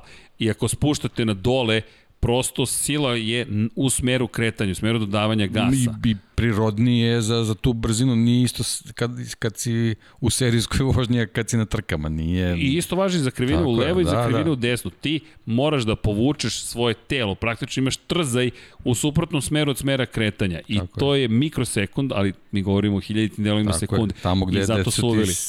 Gde loviš Tako je. hiljadite delove sekunde, to je jako bitno. I zato su uveli da na dole se zapravo menja gas tako da se podiže stepen na gore. Da, jel e sad, zašto sad bi to trebalo promeniti Pa imate na neke motore to je- koji da, su već ali- počeli da primenjuju da, taj to je obrnuti proces. raspored. Jeste, pa to Proces. su navike, to je Tako industrija je, koja tako je. Postoji 100 godina i neko je nešto napravio svoje vremeno i sad vi kažete moramo to da promenimo. Što moramo da promenimo? Čekaj, a onda imamo old school moment, ne, ne, to je za vas nove, pa evo sad automatici kada se pojavljuju, pa se A, ljudi da. bune na automatike, ali znate šta, lepota, automatika u gradu, uhu, ali činjenica je takođe da sve ima svoje prednosti i mane, ali prosto je navika u pitanju iz onoga što smo mi do sada mogli da zaključimo, ali Da, što se tiče ove konkretno promene, jednostavno vozači, ovaj, trkači su to promenili iz praktičnih razloga. Da, Deki se ponadao da neću moći da oživim računar i da će završiti sa pitanjima ranije, ali ava je Dejane, ava imamo anketu koja je otvorena i 140 glasova u kojima Hvala svima što glasuju. Hvala, hvala vam što glasate, je pobedio za sada Fabio Quartararo. Evo, iskoristite priliku da, da odgovorimo još par pitanja i da se polako pozdravljamo. Dva i po sata već trajemo, ili tek možda, sad to je stvar perspektive, znaš, Deki. Ali Deki mislim da žuri. Ej, trebalo bi ja da žurim, stigo je Sony, ali je li žulj bolje? Za one koji juče nisu pratili podcast, bukvalno čovek ima žulj na levom, na palcu leve ruke od koje staze? Od Kyoto. od Kyoto. Vozio je Kyoto, žalio se nema volan, ali čujete ovu violinu kako svira šalu na stranu. Očekujem te ovde, deki, ovde te očekujem da sedimo i da postavljamo vremena. Ali ne možemo da vozimo samo, moramo i MotoGP. Sve se slaže. Sve ste čuli, pa ovde neki sa... Daj kodove da vežbamo i... Odatle krećemo. Čekaj, Pa da. Ja, deki, uvaljuješ me ponovo u, pro, u, probleme. Da li agresivni vozači dobijaju najnoviji Ducati? Viš kako skreće temu. Kakvi gresini vozači. Daj kodove. Pobegao sam. Kakva Maraja Kerry, daj leba. Znaš kako je? E, kako stoje stvari? E, ovo je ozbiljno pitanje. Mislim, sva su ozbiljna, ali ovo je baš ima uticaj na, na ono što se događa. Kako stoje stvari sa publikom u Austriji za MotoGP, gdje je najbolje kupiti kartu za trku? Ljudi, e, ne možemo da vam preporučimo ništa osim zvaničnog web sajta. Imate dosta web sajtova koji se specijalizuju, da ih sad ne reklamiramo, ali MotoGP.com uglavnom prodaje ulaznice, tickets, bukvalno, evo, postavit ćemo i link, baš ćemo da stavimo za Austriju i otvoreno je, piše bukvalno buy now. Evo, sačekajte samo da ubacimo link, da vidimo gde je. Sad vi virajte da li ćete petak, subota, nedelja ili samo nedelja. Inače, u potpunosti su otvorene tribine, 80.000 ljudi će moći da dođe da prisustuje. Čekaj, evo ga. Tako da znate, evo ga i tu je link, možete da vidite, Infinity Lighthouse ga je postavio, tako da puštaju publiku i za prvu i za drugu trku. 8. augusta je tr prva trka, 15. augusta je druga trka, gde lepše na letovanje nego u planine. Tako da na 700 metara nadmorske visine mislim da je da je to idealan jedan trenutak da, da bit će toplo i lepo u planinama, malo svežijeg vazduha za lepo pajkenje, a onda malo da vas razbudi Moto Grand Prix i da gledamo verovatno neverovatne, verovatno neverovatne trke. Mm, ok, dobro, vreme je da idemo. A kada ćete posvetiti malo vremena u podcastu Kalexu kao proizvođaču? Hvala za ideju, Dragane, Vre, trebalo bi da se da se zaista to učini. Uh, Srki Deki u zadnjem krugu Fođa se išao sa staze u 40. se gledamo vaše video, a Kosta fantastično može stigao do četvrte pobjede u motoklasi sport. Aha, uh, Ognjen, ok, bacit ćemo. Pogled, da li Gresini vozači dobiju najnoviji Ducati? Gresinijevi vozači, moram da vidim za koga će se opredeliti Ducati. Još ne znamo sve detalje. Ono što, bukvalno se još ne znaju svi detalji. Davide Tardoci je najavio da će biti pet fabričkih motora, to je GP22 i 3, ali ne znamo koja. Da li GP20 ili 19 ili 21. Tako da čekamo još te dodatne i ne, neke dodatne informacije. Od prošle godine je horor neka hvala. Da, slažem se, Branislav, baš je, bilo, baš je bio horor prošle godine, ali, ali hajmo da gledamo pozitivnije. Druga trka nije bila takav horor, mada imali smo opet skok Vinjalesa s motora, ali on je samo odbio da primeni kočine, veće kočine diskove uprko s preporukama Bremba, mislim da to neće biti ni dozvoljeno ove godine, a ovo drugo, ovo prvo, uf, izbjegli smo. Outsider pita koju tribinu da uzmemo. Čujte, staza u Austriji je specifična po tome što gotovo sve tribine su dobre. Ajmo ovako, ako hoćete Schoenberg, to stoje od krivine broj 1 do krivine broj 3. Čisto da znate šta možete da gledate. Najveći broj preticanja desi se na ulasku u krivinu broj 3. Imate Nord, Nord bukvalno ovako gleda na krivinu broj 3, tako da tu ukoliko želite da vidite najviše akcija, grešaka, izletanja sa staze, Nord vam je topla preporuka. Kada je reč o startno ciljnom pravcu, klasična priča. Šta je dobro kod startno ciljnog pravca? Da, vidjet ćete i moment kraja trke, sedeće, sedećete i stajati preko puta pobedničkog postolja, to je lep trenutak, Ukoliko, međutim, dođete u petak i subotu, ta tribina se isplati petkom i subotom. Zašto? Zato što možete da vidite i čujete mehaničari i ekipe kako rade. I to je uvek fascinantno. Njihova užurbanost, njihova posvećenost, šta se sve tu događa, koji su sve ljudi koji se tu mrdaju levo, desno, gume koje se iznose, vraćaju, pale motori, greške koje se prave, moto dvojke koje se pravljaju, moto trojke. Kada... Vazdušnom linijom je prilično blizu. Da, Da, tu, kao Vizuelno da se vidi i ja bih dodao još jednu stvar vezano za, za tribinu na startnom ciljnom pravcu, akustika neverovatna. Je, jeste. Jeste. Zato što odjek koji dobijate od medijskog centra, to je, na primjer, najfascinantniji meni makar, je u Holandiji. Nisam bio u Maleziji, ali Asen, ljudi, tutnji bukvalno tutnji, zato što je to pokrov ovako, imate jedan ogroman metalni krov koji tutnji i to se proteže tamo od, od praktično ulaska u 15. krivinu, vi ovako idete i to je cijel ovako gniz tribina koji se završava u krivini broj 1 i ovo je sve ispod krova i to tutnji, tutnji. 250-ice, niste mogli da sedite bez antifona kada je bila trka 250 kubika. Niste mogli da sedite. Bukvalno. Red Bull Ring takođe. Da, to je, eto, takođe. to je, to je to. Hvala, deki. E, inače, Steiermark, ako očekujete ponovo da se trka reši u poslednjoj krivini poslednjeg kruga, nema šta da vam kažemo, Steiermark, i, ne, moja greška, izvinjam se, uh, obrnuo sam. Uh, Nord vas dočekuje na četvorci, a trojka je za general admission. To je Schoenberg, to je gornji startni pravac. Kada govorimo o Steiermarku, to je prva krivina, a ABCDE tamo T10 vam je kraj trke. Izvinjavam se, obrnuo sam pogled na mapu koju sam gledao. Tako da, e, najviše prostora imate gore da je Schoenberg, tu vidite kako ubrzavaju. To je lepo vidjeti kako se ubrzava od treće do četvrte krivine. Nord vam je doček za četvorku, ali ne bih tu gledao toliko. Fan Club 46, Možete pretpostaviti za koga je između krivina 1 i 3. Imate Red Bullov fan club takođe tu. Tako da, eto, ukoliko ste nević Valentina Rosija, zna se gde ćete biti. Inače, kada pričamo o T8, to je zanimljiva krivina, to ste u šumi praktično i možete da vidite kako se pripremaju, ali to je možda onako više jedan, jedan specifičan utisak kako prolete pored vas. Samo, samo, samo projure pored da, vas. Da, više automobilska krivina. Da, više da automobilska gledam, krivina, da. Ali eto, gde god odete nećete se preveriti, inače trenutno su to je dosta toga, tako da požurite. Inače, Schoenberg još uvek možete, možete VR46 i možete za nedelju tamo gornji deo General Admission takozvani, to jest možete da idete praktično na, na otvoreni deo, da kažemo u parteru da ste, ajde da ga tako nazovem. Da, ali ne može mnogo da se vidi, da. Pa da, nije, nije opet nije najbolji. Dobro, da, dobro je za doživlje onako, ali... Vidite u daljini da, pika da, da. i dole možete da vidite startno ciljni pravac u daljini, pošto se spušta, da imate baš ozbiljno uspon. Gde god dojete, ali verujte, pogotovo koliko idete prvi put uživaćete. Inače, e, startno ciljni pravac T10 je rasprodat u ovom trenutku. To je za nedelju. A za sve ostalo, od do 149 evra je inače za nedelju su cene, ukoliko želite trodnevne ulaznice, do 169 je za Schönberg, na primjer.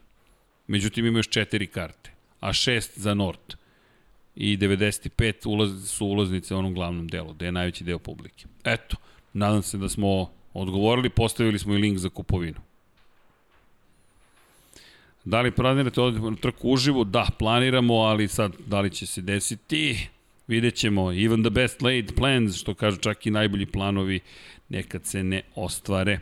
Ko iz Moto3 do Moto2 sledeće sezone po vašem mišljenju? Da li smijem da izgovorim Pedro Acosta sigurno u celoj priči ide. Mislim da će Jaume Masija naći neku, neku angažman. Mislim da je vreme za Masiju. Masija ima dobru podršku, ali iako nema tih rezultata koje je želo, mislim da će otići u, u Moto2 klasu. To je moj utisak za sada. Za... John McPhee mora. Da. John, da, John McPhee mora. Kako i gde, ne znam. Pa neki tim, da. RW da. Racing ili tako nešto. Tako nešto. Da. Tako nešto. Derin ima Binder. on, ima on sponzorski paket, tako da. da. ako on želi da ide u Moto dvojke, mislim da, da on, on mora da ide, ovaj, sad da li želi, ovaj, nažalost, ti rezultati ovaj, ne, ne upućuju na, na neku ozbiljnu ovaj, ekipu, ali... Derin Binder takođe. Da. Derin Binder, očekujem to i da, rekao Petronas praktično menja ekipu sledeće ekipu, godine. Da. Trojka. Derinu je vreme, on je rekao, ja sam prevelik za ovaj motocikl. Andreja Minju takođe očekujem da ode. A Antonelli, bojim se da je to sada već problematično, mada bih volao Antonelli, nije loš četvrti u šampionatu. Malo je poena, oprostite, kada govorimo o, o pogledao sam, pogrešnu stvar sam pogledao zapravo, pogledao sam kada je reč o, o trkama koje su bile, a zapravo u ovom momentu, samo mi sekund dajte da izmenim pogled, dakle kada pričamo o No, konkretno Antonelli, da, četvrti i dalje. Dobro sam zapamtio. Nije, nije loše, vidiš, glava i dalje funkcioniš i ima 65 poena. I Antonelli, ne znam šta će biti sa Antonellim, zaista prosto nekako zaglavljen u cijeloj priči, ali mislim da će Andreja Minjo naći svoje mesto. Andreja Minjo ima par pehova, eto. Šta se smeješ sada? Nešto, interne neke da, da. pošalice. Ne moraš ti sve da znaš. Ne moram sve da znam. Šta će Suzuki uraditi sa Rinsom? Da li mu sledi zamena? Gotovo sigurno. Pa, ako ovako nastavi. Gotovo absolutno, sigurno. Da. Ali da, bukvalno gotovo sigurno očekujemo. Fenati, Dragan Matić, ne, Fenati, Dragan, ne, ne, valjalče. Ali ne, ne, ne, neće, ne, neće, Fenati sigurno. Šta mislimo o Filipu Salaču, pita Mara? Pa, izuzetno visoko mišljenje. Imao je problem tehničke prirode na ovoj trci, ali ljudi osvojio pol poziciju, bio na pobjedničkom postoju prvi put karijeri pre par trka, to je sve ono što je potrebno da se, da, da se napreduje do tog nivoa samopouzdanja da se borite redovno za te rezultate, možda čak i za plasman među vodećih pet, vodeću trojicu u šampionatu sveta, što opet ostvara, otvara neke druge stvari. Kaže Srki, deki, gasi stream, imamo NBA. Čekaj, propustio si futbol, neće sada zbog NBA da odeš. 2-4-3 smo dosta. A link koji, ste okačili, da li za prvu trku ili drugu? Za prvu trku je ovaj link. Ja koliko sam video, da, ovo bi trebalo da je... Ne, ovo je za drugu, izvinjavam se. Okačio sam za drugu trku. Moja greška, ovo je druga trka. Za Štajersku, ja sam, moram, moram da se ulogujem za Štajersku, čekajte. Da vidim, ali vam šaljem takođe link za prvu trku. Inače, za prvu trku još nisu pustili karte, tako da to jest, morate se prijavite, pa kada budu dostupne, onda će da vam, da vam pošalju. E, outsider, hvala za ispravku. E, po vašem mišljenju, ko, ko sve titulu? Hoćemo sad da... Nećemo. Pa neće. A, deki. Ja mislim da osvaja, evo mogu ja? Hajde. Ja mislim da osvaja Fabio Quartararo, ali da će mu Marquez biti na tipa 5 pojena na kraju sezone. Pa, ono, da, Fabio je najbliži, ali Ali... da sačekamo. Da, Da sačekamo. Da, Da. Dobro. Ja mislim da će Markezu nedostajati malo na kraju sezone. To je moje mišljenje. Alex M, peti pokušaj pitanja Nikola M. Izvinjavam se Nikola. Alex Marquez, uf, nismo spomenuli čoveka. Da te citiram, deki, to opet nešto govori. Pa da. To opet nešto govori. Da, Alex Marquez je u ozbiljnim problemima, ne prvi put u svojoj karijeri. Ako se vratimo u Moto2 klasu, on je imao ove padove u formi. Pitanje je samo, Pa da, Do kada će je ga Moto, prihvatati. Moto 2, Tako je. drugo je Moto Grand Prix. ali ako te ne prihvate sada u Lučiće Kinelo Racing Hondi, gde ćeš ići? Koja vrata ti se otvaraju? Malo je timova koje imaju luksuz čak sada da angažuju vozače koji su dobili priliku, a nisu uspeli. Bukvalno kao Iker Lekona, s tom razlikom što ima ozbiljan renome Alex Marquez, to je dvostruki šampion sveta i pride jeste član porodice Marquez. Ali do kraja naredne godine, ukoliko se stvari ne, do polovine naredne godine, ukoliko se stvari ne promene, bojim se da će to biti relativno kratka karijera u Moto Grand Prix klasi. Nadam se da smo odgovorili na pitanje. Možete li bojite iskreno reći ko vam je bliži srcu, Marquez ili Rossi? Ko je bliži srcu, Marquez ili Rossi? Čekaj, da vidim, samo da izračunam nešto. Da izračunam, mora matematika, samo sekund, molim vas da vidim da li može da se nešto ovde uradi. Pa, hm.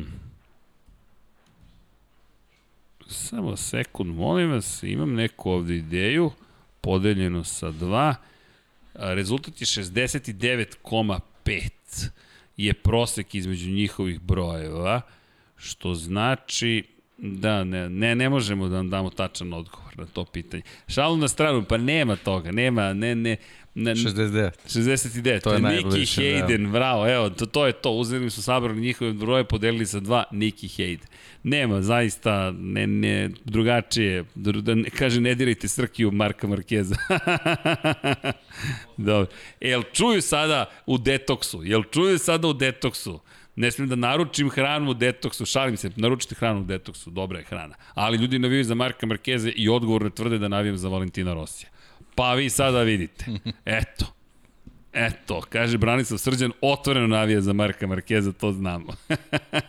Recite to navijačima Marka Markeza, molim vas, pošto kažu da otvoreno navijam za Valentina Rosija. Da, dajte anketu za titulu. Dajte anketu za titulu. To ćemo sledeći put. 214 glasova, ali sledeći put za titulu ćemo staviti. Zašto? Pa, i, e, da, da, I bit će zvanično ako bude bar 500 glasova. Ovako. Ovako je nezvanično. Urednik samo oštro. Ali dobro, mislim da smo se lepo zabavili. Ako Petrući ostane u KTM-u, Raulu Suzukiju. Raul Fernandez u Raul Suzuki. Fernandez, A? hoćeš da ti kažem da možda puca i na Repsol Honda. Apsolutno. Džankić i ti o tome pričate vrlo otvoreno. Repsol Honda i ja mislim da, ali pazi, nedostaje mu godine. Ja mislim da neće otkazati Polu Espargaru ugovor. Honda to redko radi. Honda će pre, to je s Aleksom Markezom je bio izuzetak, ali mislim da će pre podržati Pola do kraja sledeće godine. Tada može biti kasno, ali ajde da se vratimo sad na Aleksa Markeza, da šta i piše u tom ugovoru. Da li će možda Raul dobiti... Honda je Honda, da. Lučić Kinelo Racing fabričku Hondu. Takaki Nakagami je dovoljno učinio. Da li će reći Repsol, ej vidi, Raul je ipak, deluje nam da je bolji. I, Pa moraju nekako da reaguju, jer KTM će sve da pokupi. Da, pa to je to. KTM sve uzima, jer KTM mislim da priprema teren za Tech 3 da popuni sa Raulom Fernandezom, ali mislim da i Raul želi Repsol Honda. To je, to je Junkie lepo rekao. Mislim da je namirisao baš pravu priču. Da je namirisao da zapravo hoće Repsol, jer to je potencijalna budućnost iz perspektive toga da si ti tamo zvezda broj 1. Za razliku od KTM-a koji ne pravi, ne pristupa tako, Honda kada stane iza tebe, stala iza tebe. To je ono što ti ponavljaš. Kada Repsol Honda angažuje nekoga i taj neko se izdvoji, dobija celu podršku cele ekipe. Mick Duan, Valentino Rossi, Mark Marquez, Dani Pedrosa, koga god želite da izaberete, dobit će Alex podršku. Krivije. Alex Krivije. Bukvalno će dobiti celu podršku. Dobro je, dobro je. Nakagami do podijuma ove sezone ili ponovo još par četvrtih pozicija. Bojim se da je ovo drugo. Zaista. Nadam se, ali Bojim se da Takaki Ali to sve manje uopšte nije loš. Pa, Kamo nije. sreće da bude više puta četvrti, to bi bilo super. Ali i to je ovaj dostignuće. Pa jeste, a i sezona se promenila. Prošle godine ona bila šansa. Banja je super zadovoljan četvrtim mestom sad. A bori se za titulu šampiona sveta. Tako je. Tako je. Ne, ne treba ovaj, ta mesta koje su blizu podijuma tako lako precrtavati. Posebno u ovoj konkurenciji. Pa nemoguće je konkurencije. Pa, pa još, još ti se Marquez vratio. Marquez se vratio, ti si imao priliku prošle godine, imao si igrača manje za plasman na pobjedničko postolje. I on se sad vratio. Kako sada na pobjedničko postolje? Moraš da računaš još i na njega koji će biti sve bolji i bolji. Još ako se Yamahe oporave i ožive nekako, tek onda je ne, misija zvana nemoguće. Bukvalno nemoguća misija. O Dukatima kad dođu njihove staze da ne pričamo. Zamislite samo bitku na Red Bull ringu kada Dukati dođu do izražaja. Banjaja, Zarko, dođu Miller na kočenje. i Jorge Martin. E, evo ti bold prediction. Jorge Martin, pol pozicija i pobeda na jednoj od trka na Red Bull ringu. Srki voli Rosija, navija za Marquez. Evo, a, a, a, savršeno rešenje, može tako. Hoćete li ići u Austriju s obzirom na činjenicu da je potpuno dozvoljena publika? Pa ne možemo da vam potvrdimo, ali nadamo se da hoćemo. Ma, potrudit ćemo se. I, inače, samo još ovo voće pero, pozdrav ekipo, hajmo malo fantazira kada biste bili u u- u mogućnosti posjedovanja kolekcije nekog motora u prošlosti koji bi to bio ili dva ili tri, ne nužno da se vozi već da ga imate. Iz prošlosti. Aha, kao on, Kao da stoji u studiju. ja bi kađivu neku. Ka dživu. Da, da, da. da. E, Pričamo o trkačkim motorima. Trkačka, trkačka. Ka, kađiva. Ja pričam, pričam o to, to je to kraljevskoj krasi. Klasi. Kađiva, u, zanimljiv Da, izbor. da, da, to bi volao. da. Uf, ja bih Onako crvenu sa onim ađipa, onako reklamicom. To je to. to da stoji tamo. Da, Kočinski, Mamola, sve jedno. Lep izbor. Baš onako vintage, Odmah pravi, Na, na kec. pravi izbor. Ja imam dve, dva motocikla koje, koja, koje mi onako baš stoje u glavi, obe su Honda. Jedna je NSR 500 i druga je RC 211V. Onaj V5 motocikl od 990 kubika. Ono je čudo tehnike. NSR 500. E, ma i NSR 500 sa onim dva uspoha, desno To, dva to, uspoha, to, ovako to, kad, to, te, to. kad te gledaju ti si, ti, ja, o ne, To, opet je duvan ispred mene. Otprilike to je neki utisak. Eto, to su dva motora koje bih ja voleo da imam. Ljudi, moramo polako li sigurno da se odjavljujemo, vreme je, približimo se ponoći. Nova godina je blizu. Nova, nova godina je put, blizu, da. da. Ali, ali zabavno, je, nekako ti ne da ti se da prekineš, ali, ali zapravo moraš. Svi su poustajali, mislim da to jasan signal da ovde polako ali tre, sigurno treba da se pozdravimo i da odgovorimo Čola, Vale na podijumu. Pa eto, zamislite Rossi da nekako dođe do tempa da bude na podijumu i onda na Kagami šta da radi. Vratio se Marquez, vratio se Rossi i problemi. A Rossi koji juri 200 plasma na pobjedičko postoje, ne bih rekao da je nemoguće, naprotiv, kako je nestala forma, ko zna, možda se i vrati. Barcelona prošle godine. I da se pozdravimo, još jednom imate priliku da glasate, zatvaramo uskoro uh, anketu i pazi ovo, Quartararo trenutno na poziciji 1.43 odsto, Mark Marquez drugi 31, Rossi 20 i Joan Mir 7. Dakle, ljudi su ipak bili realističniji. Tako da, veliki, po, veliki pozdrav u ime cele ekipe. Šta ka kažemo? Hvala Šeli što nam se pridružila. Hvala Milici što nam je najzad svratila. Ivan je naravno tu Vanja čovjek ni, ni, ne izlazi odavde, to oni trasovi, otprilike čovjek dominira studijom, hvala Vanja za sve, Dom Pablo, nadam se da je teretana bila dobra, vodite računa uvek jedni u drugima, mazite se i pazite se, Deki nije shvatio da je u kadru dok se ovako šali, Sve ali ja sve shvatio, si si, sve, a, vidim da, ja. da, Vidim, vidim. U, da, da, stavili su te u kadar. 9-2-3 na 30-30 za Luku, ukoliko možete, to je super. Što se tiče, prosto lepo je nešto učiniti. Ta, ma, tako malo, tako mnogo može da znači drugim ljudima. Jedan inspirativan vikend iza nas, jedan veliki šampion uspeo da ostvari rezultat za koji smo i mi ostavili u jednom trenutku otvoreno pitanje da li će se desiti pokazao je da makar u Saksonrigu još uvek jeste kralj, da li će isto biti u Holandiji, saznaćemo, već naredne srede ćemo pričati Ako u bude Holandiji. kišica, Ako bude kišica, uhu, svašta, biće da. svega tamo. I Jack Miller možda opet to, da odigra svoju igru, ali stavite Oliveiru u fantazi, moja topla preporuka Olivira u fantazi. To, to mi onako deluje kao sigurica, nadam se da će Olivira biti... Svi će imati da Oliviru u fantaziju. u fantaziju. A dobro, vidi. Da, sad razumem šta mi je Sheila govorila za fantaziju. Ne otkrivam svoje tajne. Ima da znaju svi koji prate Lab 76. Hvala Sheila, u pravu si. Da, ne, ne bih te lagao, verovao bih da govorim istinu. Vodite račune da drugima, vazite se, pazite se, igrajte igrice, čitajte neke dobre knjige, gledajte lepe filmove i naravno budite dobri jedni prema drugima. Mi se ovde silno i lepo zabavljamo i hvala, stigli su još neki pokloni, stigli su još neki dresovi. Inače, dres čiji je imamo i još jedan dres na aukciji koji je krenuo, da to ne zaboravimo. Igor Duljej. Tako da znate, ukoliko želite, limundo.com kroz Infinity Lighthouse možete vidjeti koja je trenutno u toku. To su aukcije gde se novac direktno uplaćuje dobrotvornim organizacijama. Mi smo samo oni koji pokušavaju da skrenu pažnju na činjenicu da neki sportski dresovi i uspomene su na prosto aukciji za potrebe ljudima kojima je neophodno pomoći i podržati ih, tako da eto, naš mali deo, naš mali moment u kojem možemo da podržimo na još jedan način ljude kojima je to zaista potrebno i da se pozdravimo, trkački vikend nam stiže, pratiti 99 jardi, udrite like, subscribe i sve ostale lepe zabavne stvari, zatvaramo glasanje ovog trenutka, Fabio Quartararo, kažu ljudi, pobeđuje u Holandiji i u to ime želimo vam laku noć i naravno, ćao svima! Ćao!